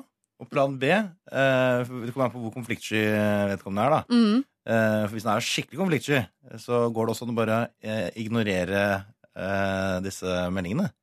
Eller snappene. Eh, for at det, før eller senere kommer jo erkjennelsen om at eh, søren, kanskje jeg skal slutte å sende balla mi i, hurtigpost. nede- For det, det skjer jo ikke noe her. En kortvarig løsning kan jo bare være å endre Snap-navn, få en ny Snap. Ja. Mm. Men hva om man har en stor eh, hærskare av følgere? Ja, da gir han sitt nye Snap-navn til de. ah, det var lurt. Men kan man blokkere på Snap? Hilsen eh, tante Turi, 69, der borte. Hilsen The Brains, var ikke det det? Eh, ja, Tante. Sandra borte her vet ikke. Nei, ok. Ikke jeg heller. Nei. Ingen som vet. vet ikke. Men hvis du bare lar være å åpne de, for man kan jo se om den andre personen har åpna. Hvis Ja. man skjønner at eh, Hei, de, de tingene jeg sender, blir aldri åpna. Han er tydeligvis ikke interessert i snapsene mine. Da slutter jeg etter hvert. Det var lurt. Men da er det litt vanskelig, for de bor i samme oppgang. De møtes så ofte, og de, Ja. de møter hverandre, så da vil han etter hvert bli konfrontert med det. Mm. Det er jo ikke sånn at de ba, han bare møter ham med kjæresten, liksom. Det, på et eller annet tidspunkt så, så vil han sannsynligvis reagere face to face på at han ikke får noen respons. Ja, det er sant. Ja, skal han, ja, ja, da kan du jo eventuelt vente til det skjer, i stedet for å ta det opp sjøl.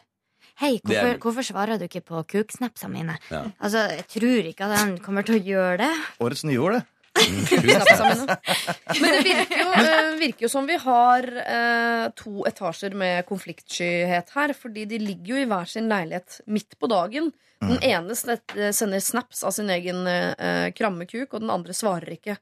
Da tenker jeg sånn du, du er en etasje over, og du tar jo ikke noe grep. Altså, du er tydeligvis litt keen på han i etasjen under, men du gjør ikke noe annet enn å bare sende bilder som du aldri får svar på. Her er det jo to stykker som driver og rører rundt grøten på en eller annen måte. Ja, da ville jeg gjort som deg. Jeg kjøpt mountain mountainbike og kommet seg til Ja. skogen og uh, sykle litt. Det er akkurat det. Og jeg hadde, jeg hadde en, en stund, tro det eller ei, folkens, ei jente som var litt gæren etter meg. Ja. Eh, som drev og ringte, sendte mye meldinger som jeg eh, konsekvent ikke svarte på, fordi det var min måte å takle Bodde ikke i samme oppgang, da. Men, eh, og da hadde jeg bestemt meg for at hun bodde ganske nærme meg, at hvis jeg traff henne på gata, så kan jeg bare løpe. Jeg kan bare løpe av gårde. Så jeg var, det, det funker jo. Løp så fort du kan.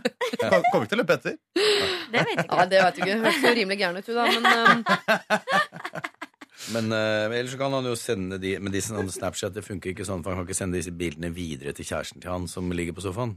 Du kan jo også øh, du kan ta screenshot av Ja. snappen, da. Se, Mm. se hva jeg får. Mm. Mm. Du må gå hjem og snakke med, med kompisen din. Ja. Men da får du Tines problem, for da Ja. blir jo han singel igjen. Hva Og da- gjør Det er kjempeslemt. Kan man gå tilbake til det barnslige spillet og gjøre han Altså, Hva hvis du tar bilde av deg sjøl og en annen kar? At han skjønner at det passer seg ikke å snappe med 'jeg er ikke singel lenger'. Et eller annet sånt. Eller dame, så blir det helt uh, Ja. Helt i stuss, ja. Ja. En katt eller en bikkje eller hva som helst. Ja. Det blir Men, veldig forvirrende da, Ja, det blir kjempeforvirrende. Nei, da ble det for mye. Men hva da er det. jo Det er er ikke sikkert det blir forvirrende. Nei Det er bare pirrende, egentlig. Men da tenker jeg sånn, vi har, mulighet, vi har muligheten til å snakke sammen, men da har vi gått over til å snakke sammen via Snap. Altså, det, virker, det virker som en enkel vei å gå, men en litt omvei også. De bor jo ved siden av hverandre. Jeg er helt enig med deg, eh, Einar, at man må bare ikke, ikke, ikke, ikke, ikke svare. Må ikke åpne, ikke åpne, ikke åpne, ikke åpne. Og nå viser jeg at man kan blokkere også, og da får man vel til og med også beskjed, vil jeg tro, at man er blokkert. Og det er et ganske tydelig signal. Og det virker jo som det meste av kontakten dem imellom er på Snapchat, og Men- da må du ha lov å fortsette med det. Men står det noe om, om at han faktisk svarer ham? I det hele tatt? Gjør han det?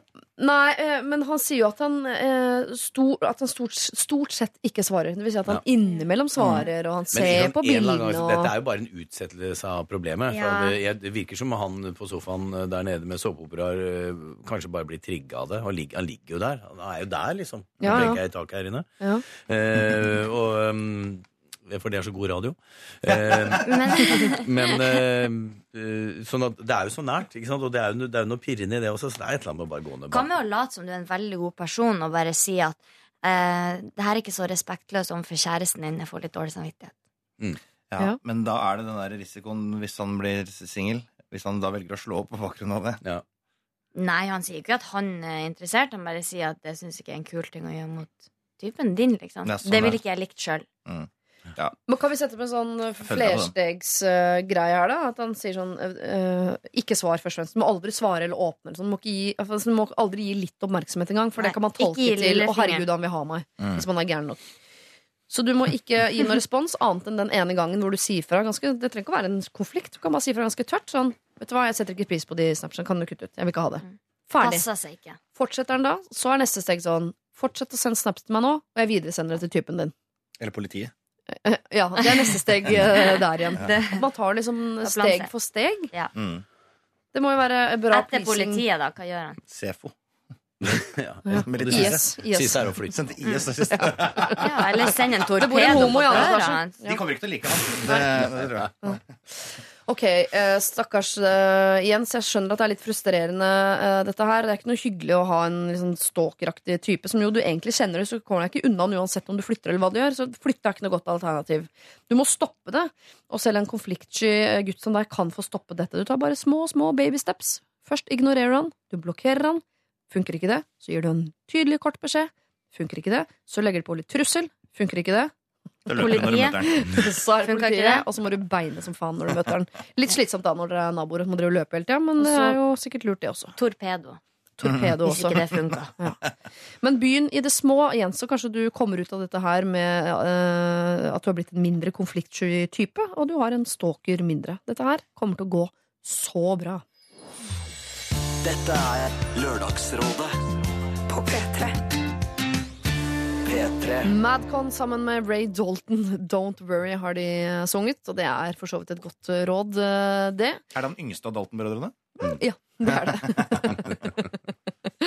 Einar Tørnquist er rådgiver og standup-komiker her i Lørdagsrådet i dag. Sandra Lyng er også rådgiver, og det er også Petter Ness. Dere, her kommer det et nytt lite problem. Eh, Altså, Problemet er ikke lite, men det er kort. Kjære rådgivere. Fra jeg flyttet hjemmefra for å studere i en stor norsk by, har jeg vært på veldig mange fester og drukket veldig mye alkohol. Jeg blir som regel full, men ikke dritings. Kroppen min begynner imidlertid å fortelle meg at nok er nok. Det er ikke festene som er problemet, men at jeg drikker for mye alkohol.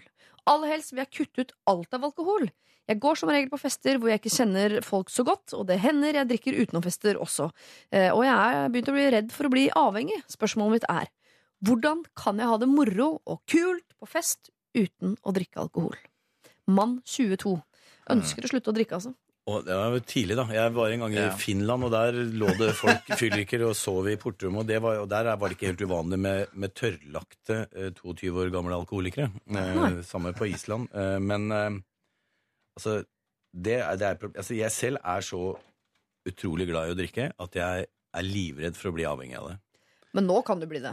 Nei, nei for jeg blir, jeg blir, jeg vil bli sløv. Jeg, kan ikke subbe rundt og drikke hele tiden. Jeg klarer ikke det. Man blir jo sløv av det og, og eh, kommer seg ikke opp om morgenen og sånne ting.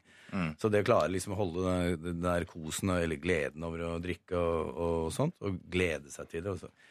Ta en uke av, Ja. og så kontrollere det. Altså sånn, ta, nei, nå skal jeg klare ta fem dager. Kjenne, kjenne på det, eller glede meg til eh, sånn. Det ville jeg satt av, satt, av, Mm. satt av noen dager. Og så prøve å drikke litt mindre. Altså, og gjerne Fordel er jo å danse, for eksempel. Eh, hvis det er på sånne fester og liker det. Bare for da får du ikke drukket så mye. Og eh, kanskje, kanskje gå over til lettere stoffer. Altså sånn øl og, og sånt. Men Man må. Det er mye bedre. ja. Men eh, nei, for det, det, dette, dette, dette problemet skjønner jeg. For at det er utrolig trist hvis man blir eh, Altså må, må slutte helt, da. Men det er jo det han har lyst til, sier han ikke det? Han har lyst til å slutte å drikke. Men er det bare av Nei, drikke eh, mindre. Hjernen hans har ikke det, men han føler vel at kroppen sender signaler om at nå må han bremse. Men det er som sier, han er jo ikke, eh, hvis han ikke liksom er alkoholiker ennå, så har jo han faktisk den gylne anledningen, nemlig å bremse, annet enn mm. sånn som alkoholikeren Ja. har, som må slutte helt. Og så har han også den fine tingen at han, eh, at han bagatelliserer ikke. Han skjønner, han skjønner at det er et problem. For veldig mange som er nærme, de bagatelliserer det. De sier at dette går greit, jeg har kontroll. Og det har han tydeligvis eh, er han i ferd med å miste. Ja. Og så kan han begynne, vet ikke, hvis han blir sånn, så kan han jo begynne å trene, for eksempel. Han Ja. kan begynne å kjøpe seg mountainbike. Den kommer stadig tilbake til. Hvilket merke er den, så du kan få reklamert for den. Men, eh, men eh, gjør, gjør det, for da, da, da får du fortere gevinst av å, av å drikke mindre. Ja. Jeg, for, for jeg heier jo veldig på at han skal kunne fortsette å drikke hele livet. Ja, men ikke så mye. Men ikke så mye. At det går utover kroppen hans. Det er deilig å kunne ha et normalt forhold til alkohol Ja. og kunne liksom skeie ut. Det, Men det er jo det han er Jeg fikk, ikke- jeg fikk inntrykk av at han prøvde å slutte helt. Det, at Ja, det var han- viktig altså- for han, men det, Spørsmålet er hvordan kan jeg ha det moro og kult på fest uten å drikke Ja. alkohol? jeg ville jo bare droppa å feste litt en stund. I hvert fall bare kikka litt på det. Det er jo eh, Det er jo litt kjedelig på fest når alle andre drikker. Det er, Ja, men det er mange som får til det. Ja. Mhm. er det mange som får til det? Ja, Ja. En del, i hvert fall. Ja. Men jeg tenker, for det er jo dumt hvis han også slutter å gå på fest, så han blir sittende hjemme. Da tror jeg ikke han kommer til å klare dette her så veldig lenge. Da tror jeg eh, det er veldig lett at han eh, henter fram flaska igjen og går på fest. Ja, Man må jo få seg en hobby. Man må, må få seg mountainbike, som vi snakker om, eller begynne å kjøre gokart. I en alder av 22, folkens. Skal han slutte å feste og bare drive med Nei, men mountainbike? han kan slutte å drikke hjemme uh, aleine, hvis han gjør det. Ja. Det er sånn foran TV-en eller med en flaske vin til eh, en eller annen sånn ferdigpizza og sånn. Så hvis han hopper over det, eh, og p- ta noen sånne strekk. Prøve å k- kontrollere det. Ta en uke Ja. av, bare feste i helgen, eller hvis han, hvis han da har festa onsdag, torsdag, fredag, at han ser om han klarer å stå over Vi så så mange dager. er bevis for deg sjøl at uh, du klarer å ikke drikke, men eksempel ta ei helgemåned der du ikke gjør det. Ja. Uh, ikke, ikke drikke på hverdagen. Og når du først går på fest, bestem deg for hvor mange enheter du skal ha. For eksempel, siden du er kar, så blir du sikkert ikke så mye spandert på av jenter. Så kan du ta med deg en 500-lapp, eh, ikke kortet ditt, og det skal du ha til taxi og drikke hele kvelden. Eh, Da får du ikke drukket så mye. Og så må si ifra til kompiser ikke lån meg penger under noen som helst omstendigheter. Ja, Mm. for at Det må du si fra om. Gå til alle det, det, jentene og si det, ikke spander på går jo faktisk an å eh, Jo mer kroppen hans blir vant til å drikke mindre, jo fortere full han vil han Ja. bli på mindre enheter. Ja. Så han trenger ikke drikke så mye etter hvert. Um, så jeg tenker kanskje hvis han bestemmer seg for hvor mange enheter han skal ha Ja. på forhånd, og prøver å holde seg til det, og ta ei helg hvor du ikke drikker, bare for å bevise for deg sjøl at du klarer det. Alt dette her er veldig veldig gode råd, uh, syns jeg. Men jeg syns også vi må gi noen helt konkrete tips på hvordan han kan ha det moro uten å drikke noe som helst alkohol. Fordi hvis det er sånn at mann 22 her ønsker å slutte å drikke alkohol, så, øh, så, så må jeg applaudere det også lite grann. Ja, Dem, det er- dem er jo en helt greit valg å ta i livet, Ja. men da trenger han et eller annet som gjør at han har det gøy på fest allikevel. Red Bull. Red Bull? Da, For, det er- blir man så da- våken at det er gøy av det? Men da, Nei, da blir jeg, da blir jeg rastløs, og da må jeg danse. Ja. Men dette har jeg lest masse om, da stopper jo hjertene til folk også. Så hvis du får i deg nok eller for mye av det, det er jo en litt eh, En Red Bull er vel bedre enn å bli alkoholiker. Det er jeg enig i. Ja. Eller blir så ja, død av hjertet ja. Nei, men i hvert fall. Men, men, eh, men det er jo Dette er jo egentlig noe han bare må prøve Lese opp noe jævlig på et eller annet, da. Som, er- eller, eller finne et tema han har jo vanvittig lyst til å snakke om. Så blir han utrolig irriterende edru bedreviteren som går rundt og skal kvisse folk. Jeg vet ikke, Det høres ikke bra ut. Altså. Det er vanskelig samspill mellom de edrue og de fulle. Mm. Det det, hvis du skal være den eneste edru på fester, det er skikkelig vanskelig å manøvrere seg gjennom. Altså.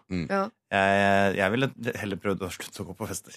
Ja, det vil jeg. på ja, eller ta en drink. Eh, hva det heter det? Vodka tonic, eller hva heter det fæle drinken? Gin, Gin tonic. tonic, ja. Jeg drikker bare karske. Eh, gin tonic, så tar du en sånn drink, og så tar du to glass vann som ser ut som drink, så slipper du de her spørsmålene. Hæ, drikker du ikke? Hvorfor da? Og så tar du det, kanskje en til etterpå. Det, man trenger ikke drikke så mye, gjør man vel? Men kan han oppsøke noen miljøer hvor det er flere som ikke drikker det? For, tenker, det er ikke For eksempel gravide. Heng Ja. med masse gravide. Barselgrupper. Masse barselgrupper.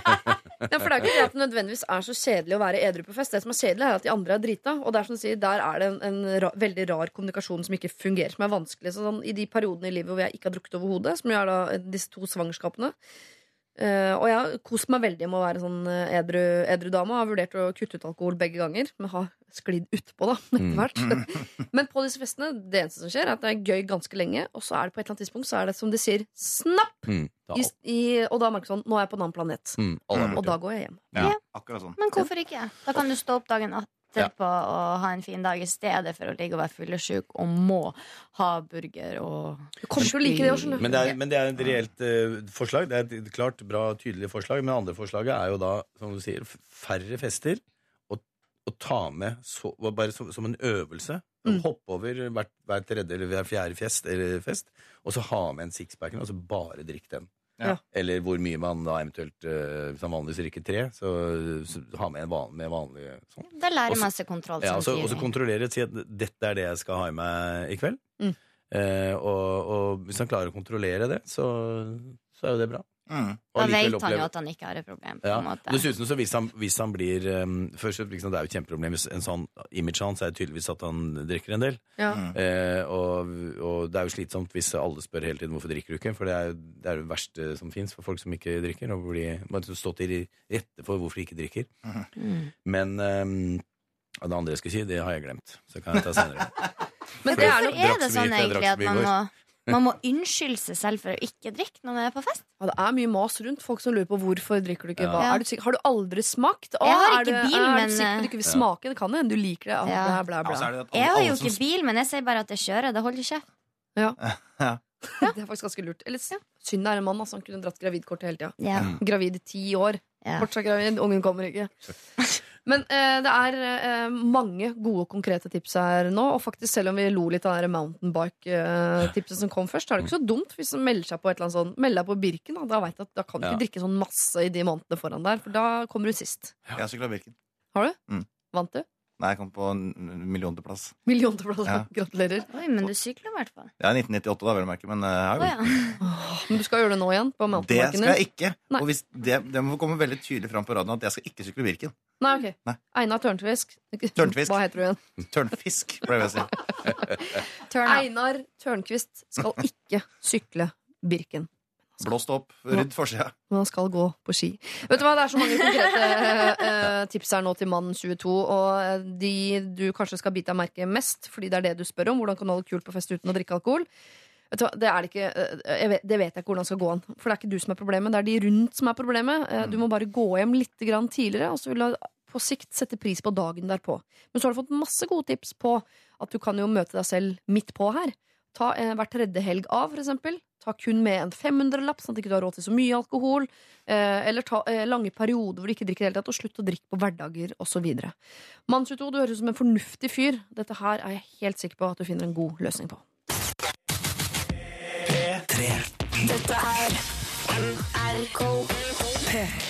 P3. The Offspring med Self-Esteem, og før det hørte vi Ari med låta Higher. Eh, jeg gikk veldig ned i kjelleren der på slutten av det ordet. Det beklager jeg. Jeg ble Det var litt fryktelig sexy, syns jeg. men det er fordi du liker menn. Ja. Sandra Lyng er rådgiver. Det er også Petter Ness og Einar eh, Tørnquist. Kjære Lørdagsrådet, står det her.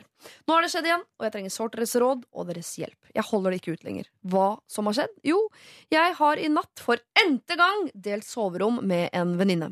Det er i seg selv ikke et stort problem. Problemet er at jeg våkner av at vedkommende har det svært så hyggelig med seg selv. Så hyggelig som man vanligvis kun har det med kjæresten sin eller med fuck friends. Eller seg selv, da.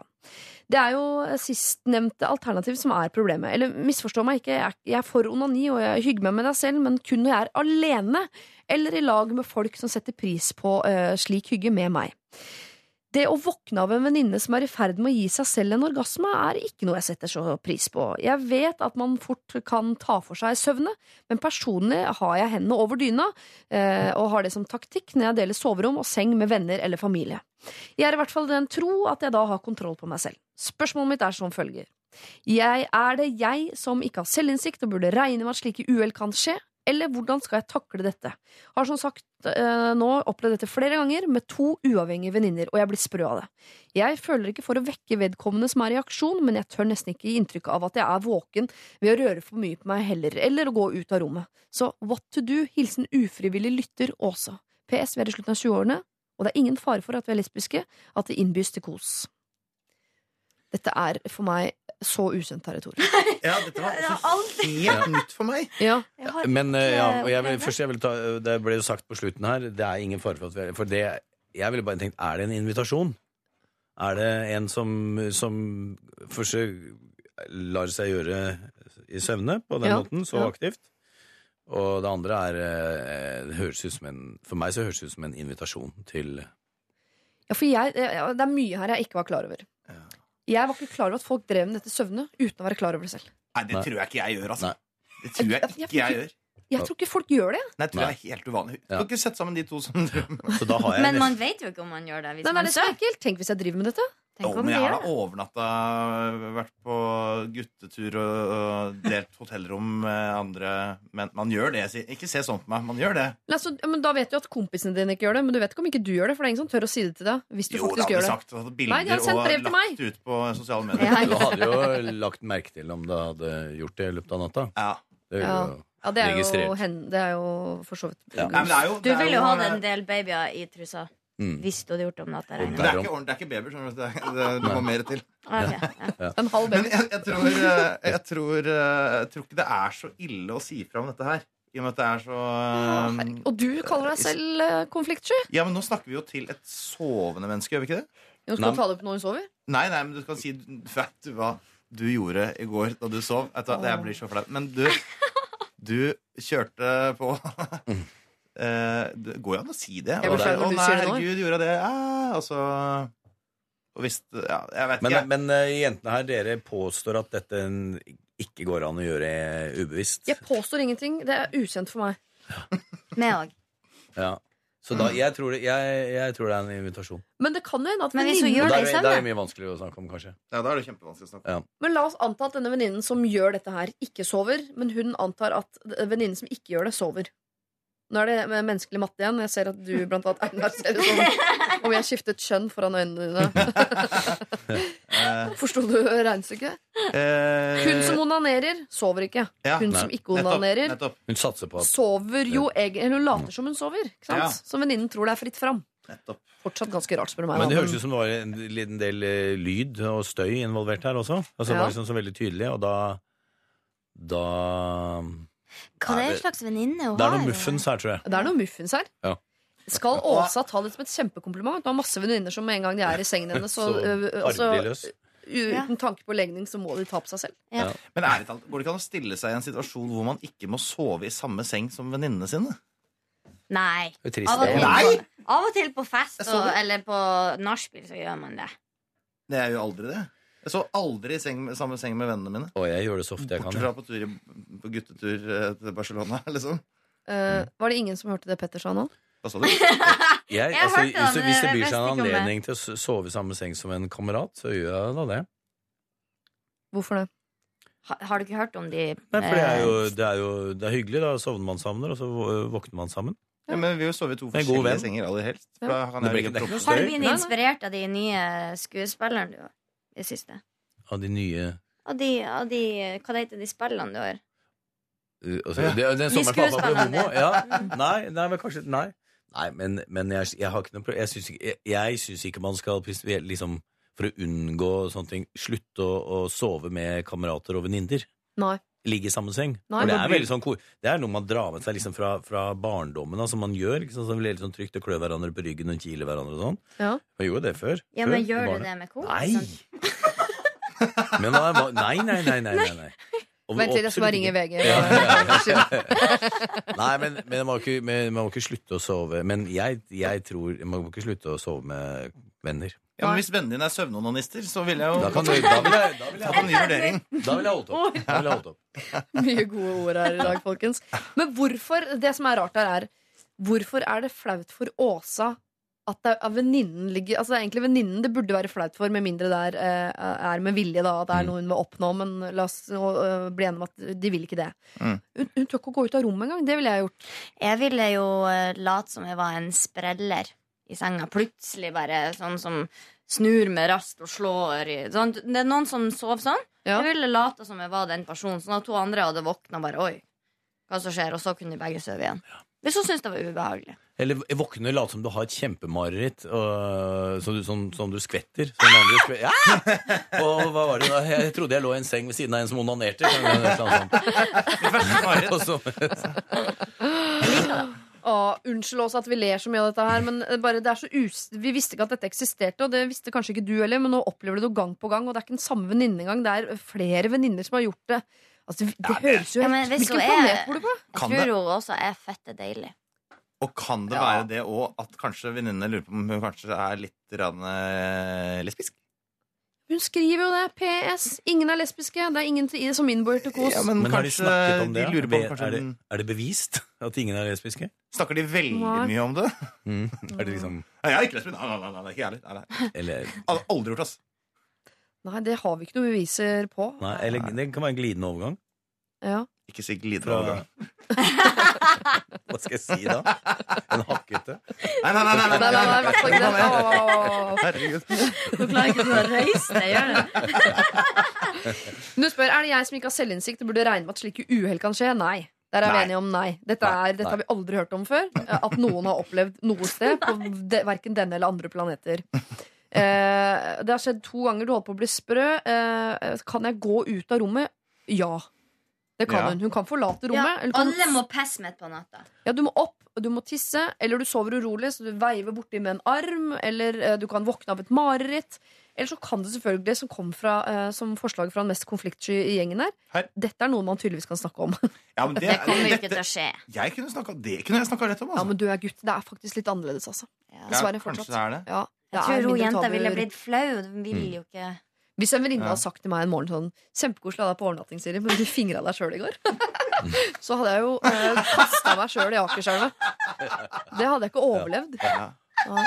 Så det skal du være litt forsiktig med også. Hvis jeg hadde blitt fortalt at jeg lå og ninappa på natta, eh, da hadde jeg nok klart å le av det, tror jeg. Men du er gutt. Du hadde ledd av det. Ja, Det er annerledes. Du eh, vet ikke hvordan det er å bo i en kvinnes kropp. Nei, på ingen måte. For eksempel en drøm, men en vakker dag så vil jeg nok Mm. Unnskyld, Åsa. Jeg vet ikke hva vi skal gi av råd her. jeg. Eh, Det er veldig fristende å si at du selvfølgelig skal kunne si det til venninnen din, men jeg må innrømme at jeg hadde aldri klart å si det til venninnen min, og jeg vet ikke om jeg som venninne heller ville hatt beskjeden. Og du skal ikke slutte å sove med venninnene dine. Du må bare du må slutte å tenke at det er flaut å ligge ved siden av den personen som jo gjør det som egentlig er mest flaut. Hvis du skjønner, det er jo ikke hvis, vi skal, hvis en har driti seg ut her, så er det jo ikke deg. Jeg mener ikke at det er driti ut å onanere men det skal, dette skal ikke være flaut for deg. Det er flaut å drite seg ut mens man onanerer. så du må reise deg opp og gå ut av rommet eller lage ståk og leven underveis. Du trenger ikke å ta det opp etterpå, men du må finne på noe der og da. Også hvis det skjer igjen, så vil jeg vite om det. altså Eller alfakrøll nrk.no. Men hvis du driter deg ut når du onanerer, så må du ta, det- ta det opp etterpå. Du, du, du, du. Lørdagsrådet med Siri Kristiansen. På P3. P3. Earned It, The Weekend, har vi hørt uh, sammen. Og når jeg sier sammen, så mener jeg selvfølgelig deg, kjære lytter, men også de som har fulgt meg siden litt over ni i dag morges, og som sitter hele veien ut til klokken tolv. Petter Ness, Einar Tørnquist og Sandra Lyng. Et Hei. siste Heia. hopp. Hei. Hei, Sjola. Vi tar et siste problem, denne gangen fra en som heter Kristine. Og jeg sier det sakte fordi det står i anførselstegn. Ja. Kjære Lørdagsrådet. Jeg har det siste året vært i et avstandsforhold med en herlig fyr. La oss kalle han Bjørn. Nå har han skaffet seg jobb i byen hvor jeg bor, og flytter inn hos meg i august. Jeg gleder meg utrolig mye til å bo alene med han. Jeg er 17 år, han er 18. Jeg går altså på videregående, mens han skal være lærling. Problemet er bare at jeg er bekymret for at han skal bli ensom her, ettersom han ikke kjenner noen. Hvordan skaffer man seg egentlig venner når man ikke selv går på skole? Vi er veldig forskjellige, og vi vil ikke alltid gjøre de samme tingene. Og han kan jo ikke bare sitte hjemme heller. Ettersom det er meg han øh, flytter til, føler jeg meg ansvarlig for at han skal ha det bra her. Hvordan kan han få venner, og hvordan kan jeg hjelpe han med dette? Hvis det hjelper, så er han utadvendt, lett å snakke med, lett å bli glad i, glad i å feste, og litt eksentrisk på en god måte. Hilsen Kristine. Utrolig hyggelig problem. Hun har lyst til å hjelpe kjæresten sin til å ha det bra eh, der hvor hun bor. Mm. Men med den karakterbeskrivelsen så høres det ut bare slipp han løs. Slipp han ut.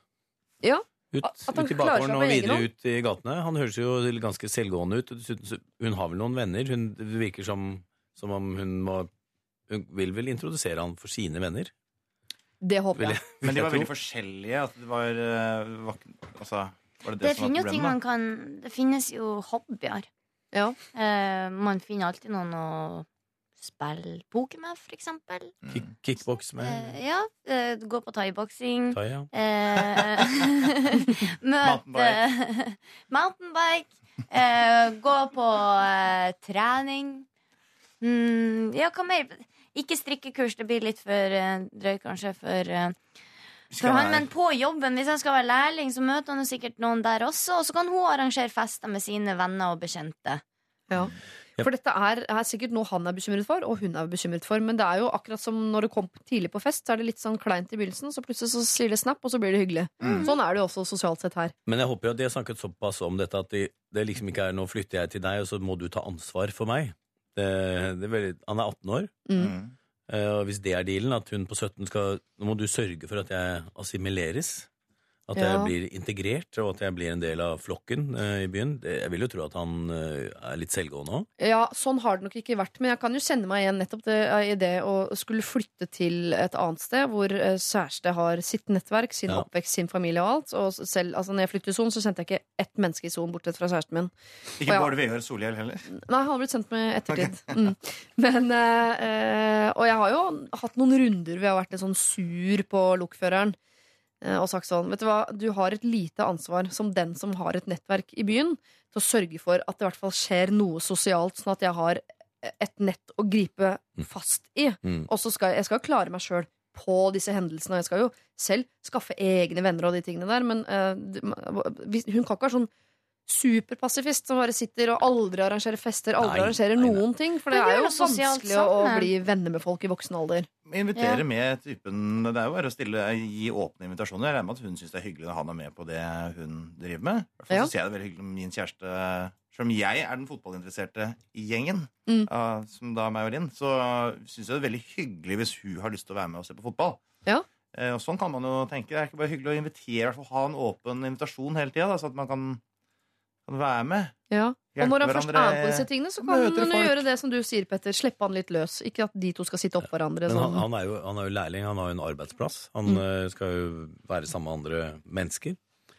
Og eh, bygge seg opp et nettverk, så må han dra med henne på det. Ja. Det er jo bare og, og, Men de må jo være aktive, begge to. Og, og så, også litt sånn kan av og til passe på å ikke bli for insisterende på å liksom tvinge han inn i, i ting, eller tvinge hverandre inn i ting. Men det, det er jo en sånn normal måte å Ja, det må komme naturlig, men Ja. Gi han tid, øh, men også på en måte gi han mulighet til å treffe folk gjennom henne. kanskje hun skal være litt ekstra sosial i begynnelsen og ta han med på ting. Ja. Og så tror jeg faktisk hobby ikke er så dumt, selv om det er Vet du hva, I voksen alder å begynne med en hobby Også, Du merker fort hvem de folka er som er der for å skaffe seg venner.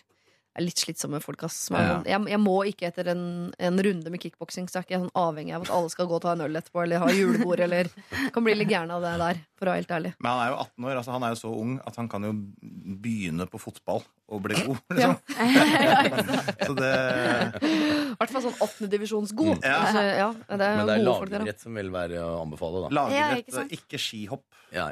Men det er jo lagrett, ja. Regatta, som Ja, regatta. enmannsseilbåt. Orientering er også ikke Orientering. Dykking er også dumt, for det er så vanskelig å prate der nede. Bare med sånn tegn. Oi, fare! Osv. Ok, eh, Kristine. Rart råd. Veldig, veldig eh, hyggelig av deg å sende inn dette som et problem. For det er jo bare et ønske om å, å være grei og få det hyggelig både for deg og kjæresten din. Men hvis han er utadvendt, som du sier, lett å snakke med, lett å bli glad i, så kommer han til å klare seg selv. Du må slippe han løs, men kanskje du kan gi han et sted å slippe seg løs på. Som jo er på en fest, for eksempel, som du arrangerer. Vær litt ekstra sosial i begynnelsen. Tips han om noen hobbyer i nærheten.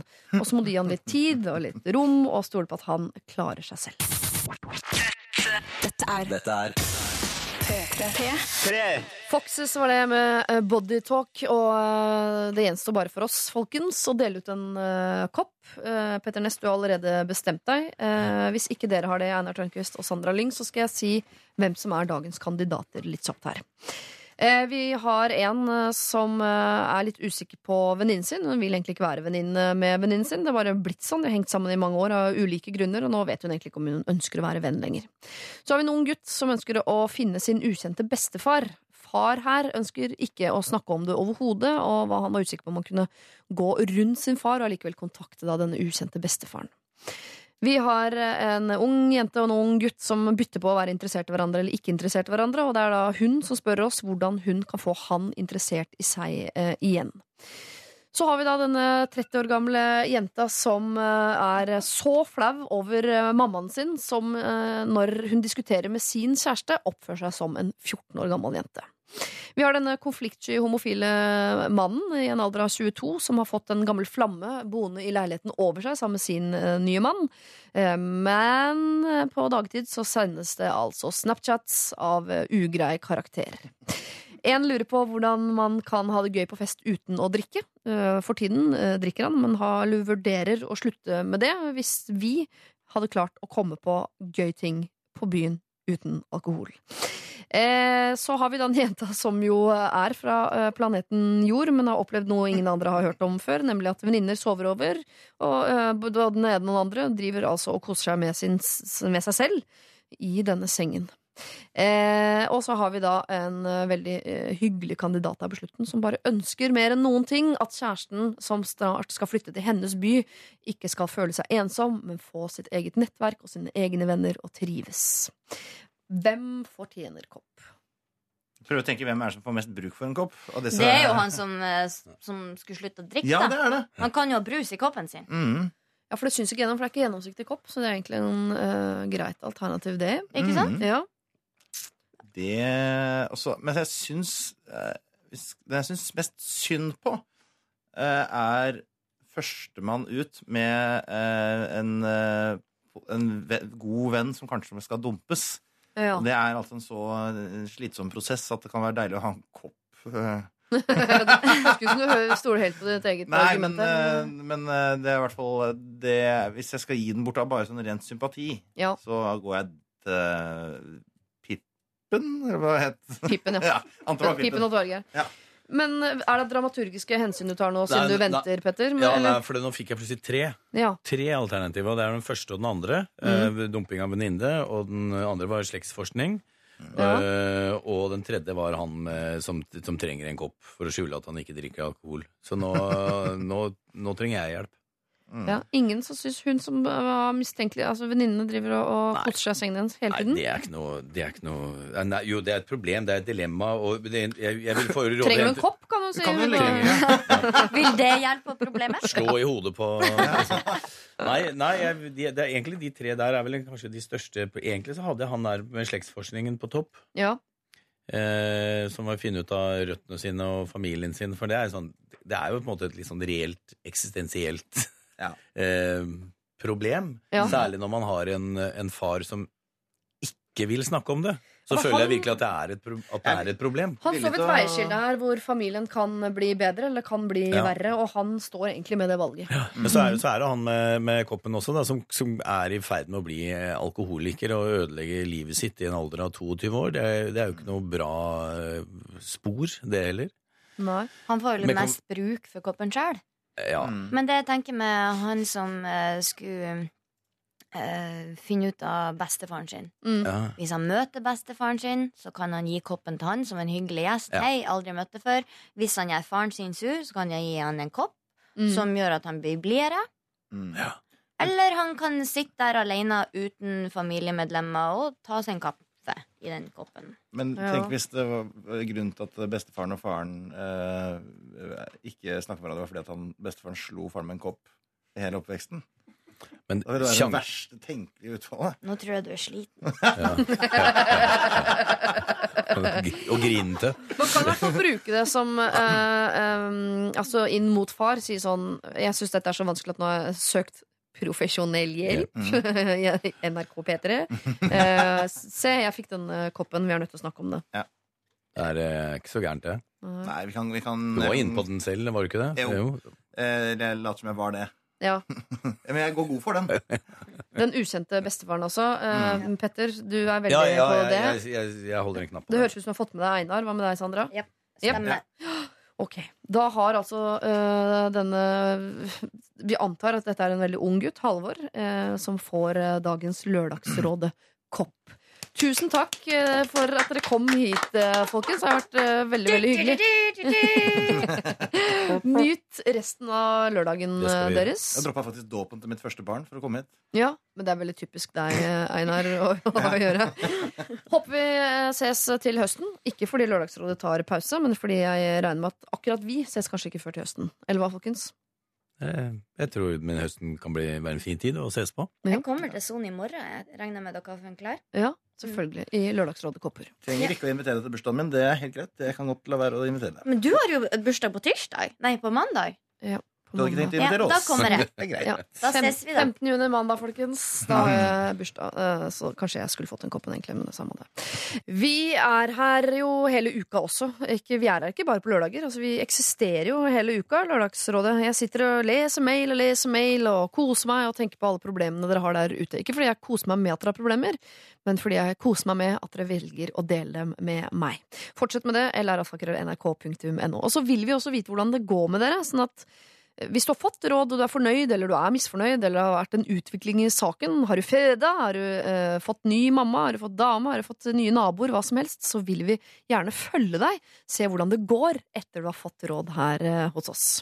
Podkast er ekstremt tilgjengelig, også Lørdagsrådet sine podkaster, så gå for all del inn og last ned det hvis ikke du har fått med hele sendingen i dag, eller det er noe du vil høre om igjen, eller du akkurat har oppdaget dette programmet og gjerne vil høre tidligere episoder, så ligger også de der.